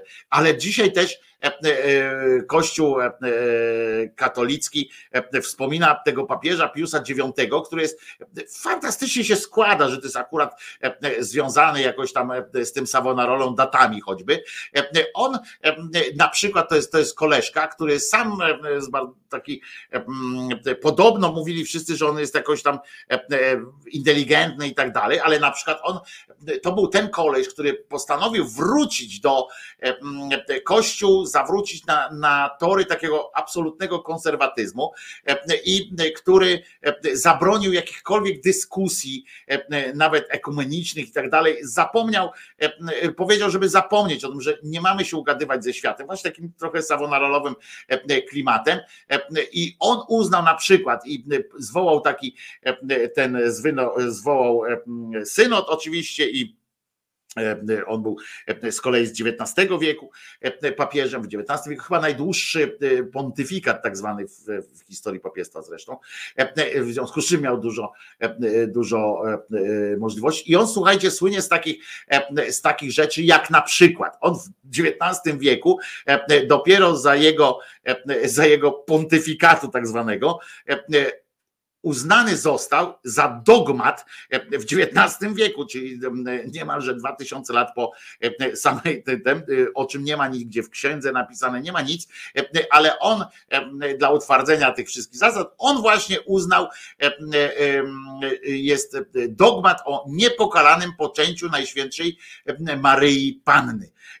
On przeforsował to i zostało to przegłosowane, ogłoszone specjalnym listem. On też ogłosił, i to się wydarzyło w 1850 którymś roku. Tak to się odbyło. E, potem, e, e, potem stwierdził też w encyklice swojej, napisał encyklice i potępił, uważajcie, to on potępił i na niego się powoływano później, potępił rozdział kościoła od państwa. Stwierdził, że w takiej encyklice, która stała się zresztą, zresztą prawem, jak każda encyklika staje się, to jest pismo specjalne, bo papieże mają prawo też pisać osobno jakieś rzeczy, czyli coś w rodzaju takich listów albo, albo nawet książek, ale nie są, czy tamten, ale nie są to pisma oficjalne papieża jako głowy kościoła, a to było już po ogłoszeniu papieża jako osoby, też był dogmat, przedtem jeszcze przed opisaniem tego, o czym teraz będę wspominał, to, to wcześniej jeszcze uznano i wtedy zaakceptowano i przyjęto dogmat o nieomylności papież, papieskiej w, nie tylko w, w, jeśli chodzi o wiarę, bo w wierze, i, ale również nieomylność jego papieską jakby uznano dogmat, czyli, czyli coś niepodważalnego nieomylności papieskiej w sprawach wiary i w sprawach społecznych, czyli w sprawach takich jak powinniśmy żyć i tak dalej, i tak dalej. No i on w związku z tym potem potępił w tej swojej encyklice rozdział Kościoła od państwa, wtedy taka encyklika staje się prawem, jak on jest nieomylny i pisze w pewnych, w pewnych właśnie kwestiach, które obejmują ta jego, ta jego nieomylność, więc rozdział Kościoła od państwa. Potem strasznie skrytykował wolność prasy i sumienia. Uznał, że tu a propos sumienia, to on uznał na przykład klauzulę sumienia, byłby przeciw wprowadzeniu klauzuli sumienia, ponieważ, ponieważ dla niego sumienie było też instrumentem boskim. W związku z czym bardziej to według niego to ci poganie musieliby się, by się powoływać na własne sumienie, że mają klauzulę sumienia, że powołując się na klauzulę sumienia, na przykład dopuszczają się zapłodnienia tam pomocy w zapłodnieniu in vitro, czy coś takiego, że klauzulę sumienia odwróciłby po prostu znaczenie klauzuli sumienia, nie, nie odwróciłby, tylko odwrócił po prostu. I E, e, jeszcze stworzył taki specjalny dokument, e, w którym enumeratywnie napisał, jakie rzeczy są jakie rzeczy są do potępienia i których należy Kościół powinien potępić. Mało tego, do dziś to, to jego to jego sylabus, ten jego sylabus e, obowiązuje tak naprawdę, bo nie został nigdy e, odwołany, chociaż papież Franciszek próbował i Benedykt XVI próbował coś tam, tam zmieniali, jakieś tam poszczególne rzeczy, ale nie pamiętam, jakieś, jakąś drobnicę chcieli łagodzić, tylko że u nich jest trudność łagodzenia takich rzeczy, bo słowo papieża ciałem się staje. I, i słuchajcie, tam było na przykład modernizm, oczywiście racjonalizm, socjalizm, rodzący się wtedy. E, e, I on uważał na przykład racjonalizm za coś, e, coś potwornego, i on naprawdę wpisał do nauki Kościoła, co obowiązuje teoretycznie oczywiście, między innymi to, że nauka nie może stać ponad, a nawet na równi być z religią, że odwrócił do tego, co było w początkach średniowiecza, co, co starożytni też jak, jak zabraniali e, e, myślicielom e, czy naukowcom ówczesnym, zabraniali zajmowania się jakąś tam dziedziną nauki i naukowcy, żeby móc się czym zajmować, móc się, móc się zająć jakąś tam kwestią, to musieli znaleźć boską przyczynę e, jakiegoś, e, jakiegoś z tych swoich dociekań. E, czyli tylko wtedy mogli, dlatego naukowcy byli, naukowcy no w cudzysłowie, czy myśliciele, filozofowie byli często osobami duchownymi albo działali przy kościołach, przy kruchtach, ponieważ wtedy stworzono taką zasadę, że że nauka mogła służyć tylko Bogu, czyli tylko zbliżaniu człowieka do Boga, albo coś takiego, że musiało, musiało to, albo trzeba było znaleźć szatana, albo Boga, albo coś tam, musiało być to wpisane i wrócił w XIX wieku, rozumiecie? Pius cofnął całą tę historię kościoła, taką właśnie, która się wymykała spod tej, spod tej reguły ogarnia o opanowujący. To wszystko właśnie Pius spróbował cofnąć tę całą rzecz. I mało tego i pamiętajcie, że to obowiązuje, generalnie możecie się śmiać e, z tych e, cymbałów, którzy mówią, e, że jest inaczej, propsują tam naukę i tak dalej, to możecie mówić, panowie, panie, wy gadacie, wy, wy jesteście heretykami, wy wszystko, co mądrego mówicie, mówicie wbrew własnej, własnemu kościołowi. I bardzo dobrze, że to mówicie, my się cieszymy, że to mówicie, tylko powiedzcie jasno, że wy występujecie tym samym przeciwko swojej doktrynie, doktrynie e, tego, e, tego kościoła, że to jest, e, że to, co dobrego robicie, robicie wbrew, wychodząc poza, poza te sztywne ramy tego kościoła, a nie, że jesteście, a nie, że jesteście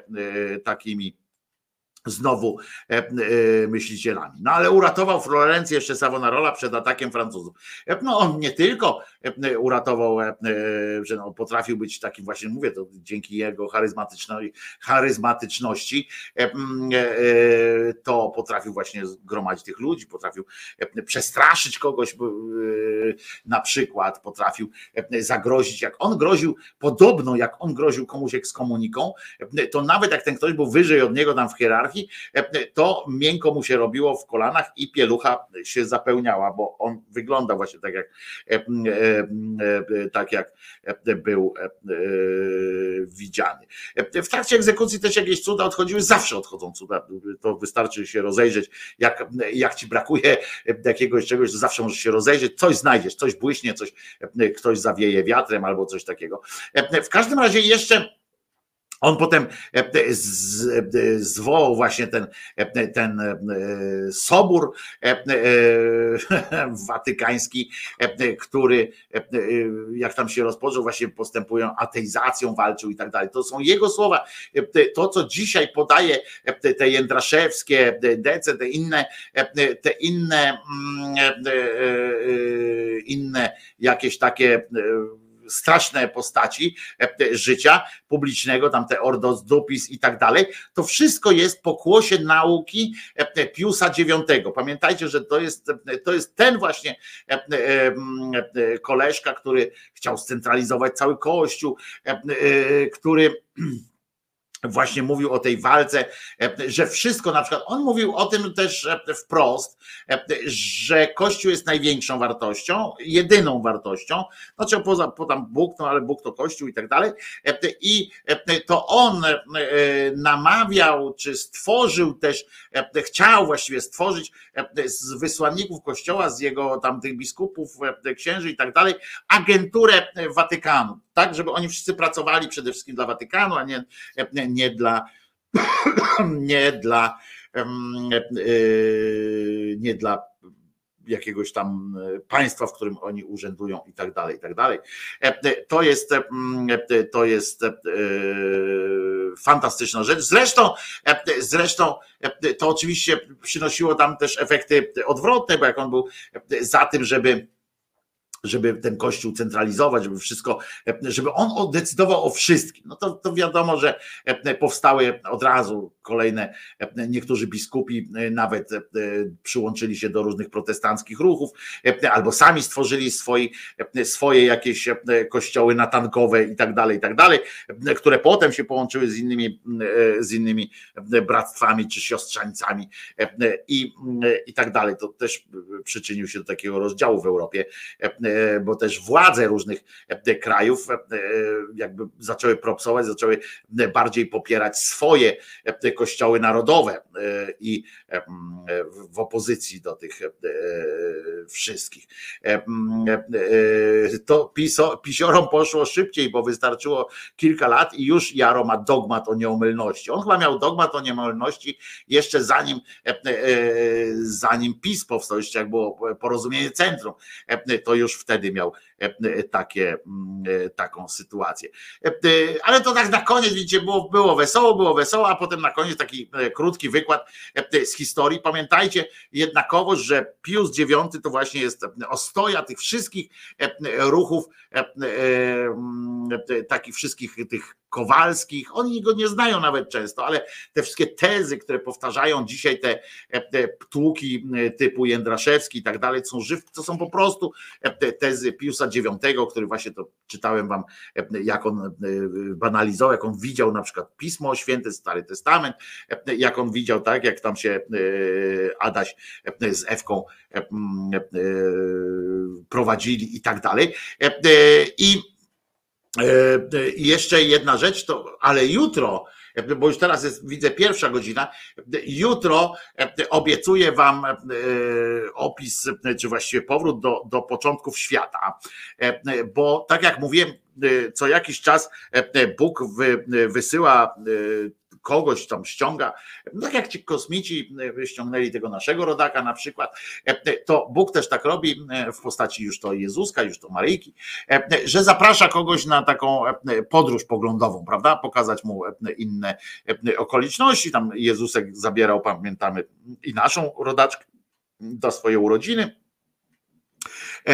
tam na chrzciny i tak dalej, i tak dalej, tam zabierani byli różni, głównie na e, jakieś tam przygody związane z męczarnią, ale, ale mm, była też jedna pani, którą zabrano specjalnie, żeby jej pokazać, jak, bo to wiecie, jest kłopotliwa sytuacja z tym, że Bóg stworzył niebo, ziemię, tak i tak dalej, i tak dalej, że siedem dni i w pewnym momencie to stało się trochę kłopotliwe, bo tam nauka zaczęła się wpierniczać w te, w te wszystkie sytuacje, zaczęła dowodzić, że to chyba siedem dni to za mało i tak dalej, tam miliony lat, miliardy jakieś, no więc Bóg, żeby rozwiać wszelkie wątpliwości, jak to było naprawdę, E, po prostu e, zaprosił pewną panią.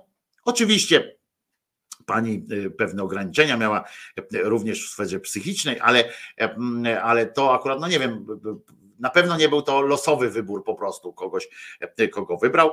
O tej osobie porozmawiamy sobie i, i będzie, będzie dobrze. Dowiecie się, jak to naprawdę było, bo Bóg rozwiał wszelkie wątpliwości.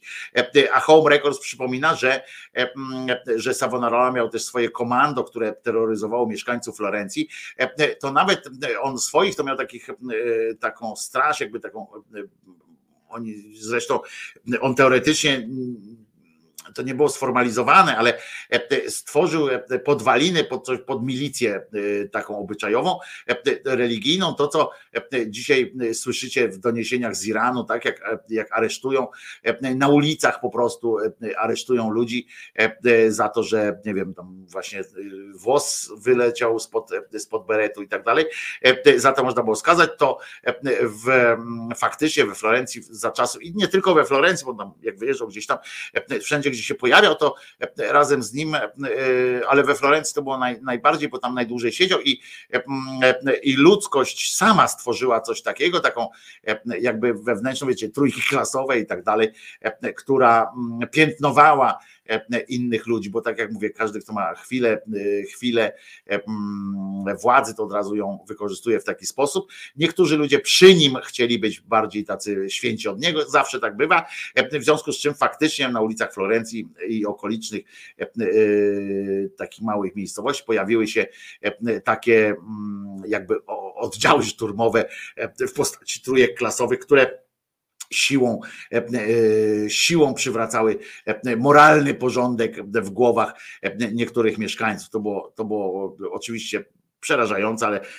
dzisiejsze nauki Savonaroli, dzisiaj nauki Savonaroli to właśnie są różne te islamskie sytuacje, również ciągoty polskiego ordos dupis i różnych warchołów i tak dalej. To są to jest pokłosie właśnie e, tego, wsparte jeszcze e, później naukami tego Piusa IX, który wyznaczył e, wrogów Kościoła na lata, na kolejne setki lat, czyli właśnie modernizm, czyli właśnie nowoczesność, czyli właśnie korzystanie z własnego rozumu, e, e, nie włączanie e, do swojej myśli Boga, na przykład, tylko po prostu abstrahowanie. To jest, to jest sytuacja taka. Nosił wilk razy kilka, ponieśli wilka i kto mieczem wojuje i tak dalej. W tym przypadku przysłowia się sprawdziły. No nie do końca, Alicjo, ponieważ po pierwsze, po pierwsze y, dla Savonaroli akurat to był y, taki koniec jego życia, był akurat spełnieniem jego, y, jego misji. On nie jakby z tego co czytałem, a wiele o nim czytałem, nie jakby nie przeżył takiego wielkiego załamania, tylko bardziej ci historycy twierdzą, że on bardziej był, był e, jakby ze zrozumieniem się odniósł do, swojego, do swojej sytuacji. A Wiktor pisze, ale prostytucja była legalna i opodatkowana wtedy, ale to nie znaczy, że Savonarola się z tym zgadzał. Pamiętaj, ty mówisz o kościele, Savonarola naprawdę był w opozycji do kościelnych. Był oczywiście strasznym człowiekiem, nienawidził, strasznie budował swoje życie na nienawiści. Natomiast akurat czy tam takich rzeczy jak prostytucja, czy rozpasanie takie ekonomiczne, tego mu nie można zarzucić. Akurat wiele rzeczy można mu zarzucić, przede wszystkim jego zwyrolstwo mentalne, bo on no naprawdę to takie zmuszanie ludzi do, do bycia a fuj, ale mówię, fantastyczna historia jako, jako mm, studium psychologiczne też to generalnie fenomenalna e, sytuacja.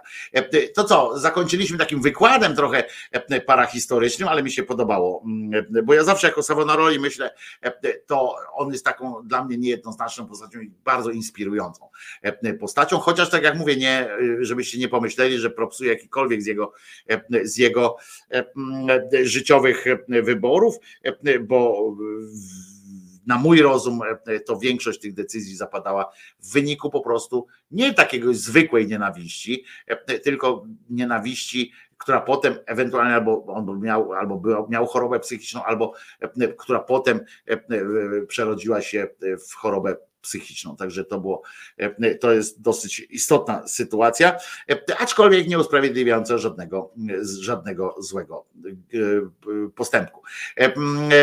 I nie mył się i śmierdział. No z tym właśnie jest akurat, e, e, są zdania podzielone, bo akurat myć się chyba mył. E, tam były też takie w niektórych we włoskich, zwłaszcza takich bliskich jego opiniach, to nawet jego wrogów, czy przeciwników jego idei, ideologii, mówili, że akurat tu e, się mył, e, tyle że e, więc nie, nie to, że śmierdział, chodził, nie dbał o swoją tam jakąś estetykę i tak dalej, ale, ale to nie tak, że nigdy się nie mył, czy coś takiego. Dobra, ja się nazywam Wojtko Krzyżaniak i na dzisiaj wystarczy już mojego pierdolenia. Bawcie się dobrze, pamiętając, że Jezus nie zmartwychwstał, a jeżeli stać was na to i chcecie mi dać jakiś sygnał tego, że jestem, że jestem jest ten jakoś e, Wam potrzebny, czy przydatny w każdym razie choćby, to pamiętajcie, że pod filmem są e, wszystkie mm, możliwe sposoby dołożenia się do pensji e, Krzyżaniakowi. Przypominam, że Jezus nie zmartwychwstał, a po piosence oczywiście spotkamy się jeszcze, a posłuchamy teraz piosenki, której bardzo dawno nie słuchaliśmy, a kiedyś ją tutaj wszyscy na tym kanale bardzo lubiliśmy i słusznie zresztą, bo to piękna, piękna piosenka. Zatem przypominam, Jezus nie zmartwychwstał, ja się nazywam Wojtko Krzyżaniak, jestem głosem szczerej słowiańskiej szydery, a po piosence jeszcze usłyszymy się na chwil kilka.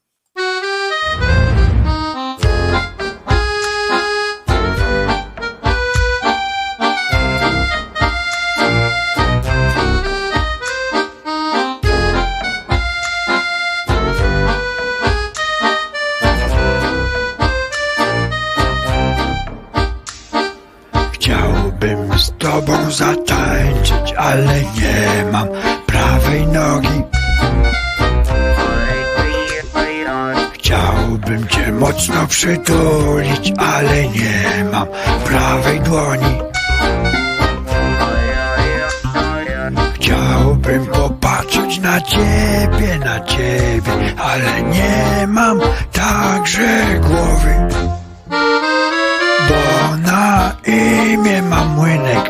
nazwisko kawowy. Bo na imię mam młynek, a nazwisko kawowy. Czułem jak swoimi delikatnymi dłońmi dotykałaś moich żelaznych ogór i cały świat zawirował zwariowanej miłością korbki. Lecz kiedy się zbuntowałem i cały zardzewiałem, ty zamiast mnie pocieszyć, rzuciłaś mnie do śmieci. zamiast mnie pocieszyć, rzuciłaś mnie do śmieci.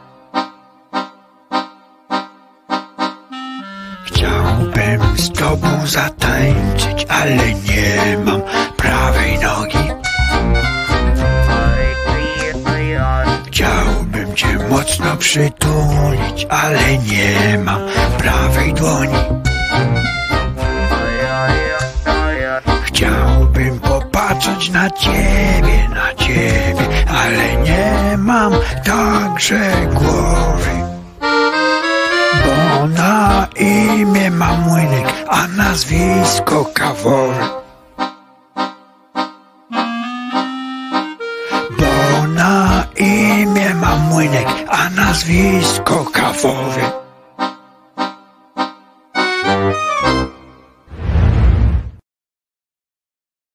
Elka, rondelek też będzie kiedyś, na wszystko przyjdzie czas. Fajnie, że, że przypomniał mi się kolega Grzywacz Janusz, bo to są piękne piosenki, piękne, czułe przede wszystkim piosenki. One są strasznie czułe i to jest, to jest chyba największa zasługa piosenek Janusza Grzywacza z tej akurat konkretnej płyty, że one są naprawdę przepełnione taką życzliwością, ciepłem i czułością. I niezależnie co on tam e, śpiewa, e, to one są e,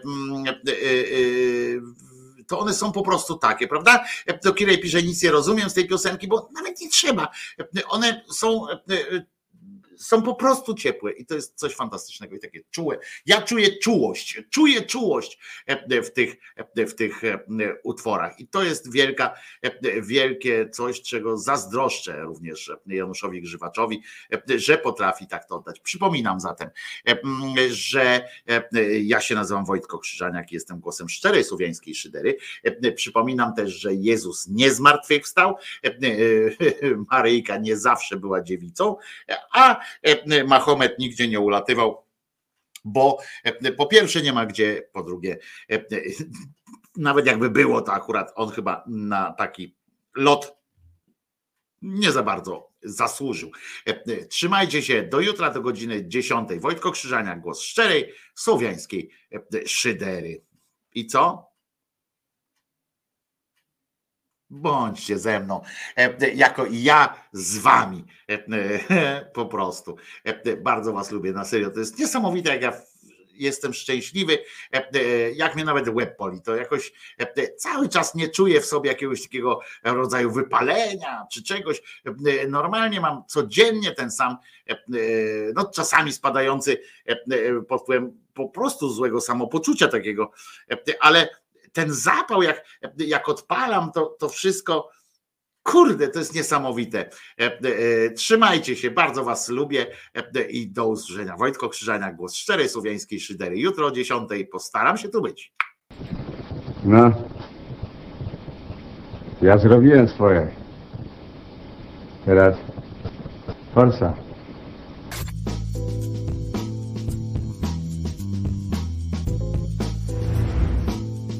Andrzej Duda jest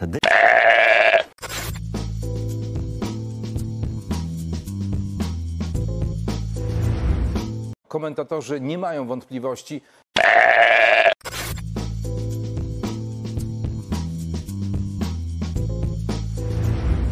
Andrzej Duda jest debilem.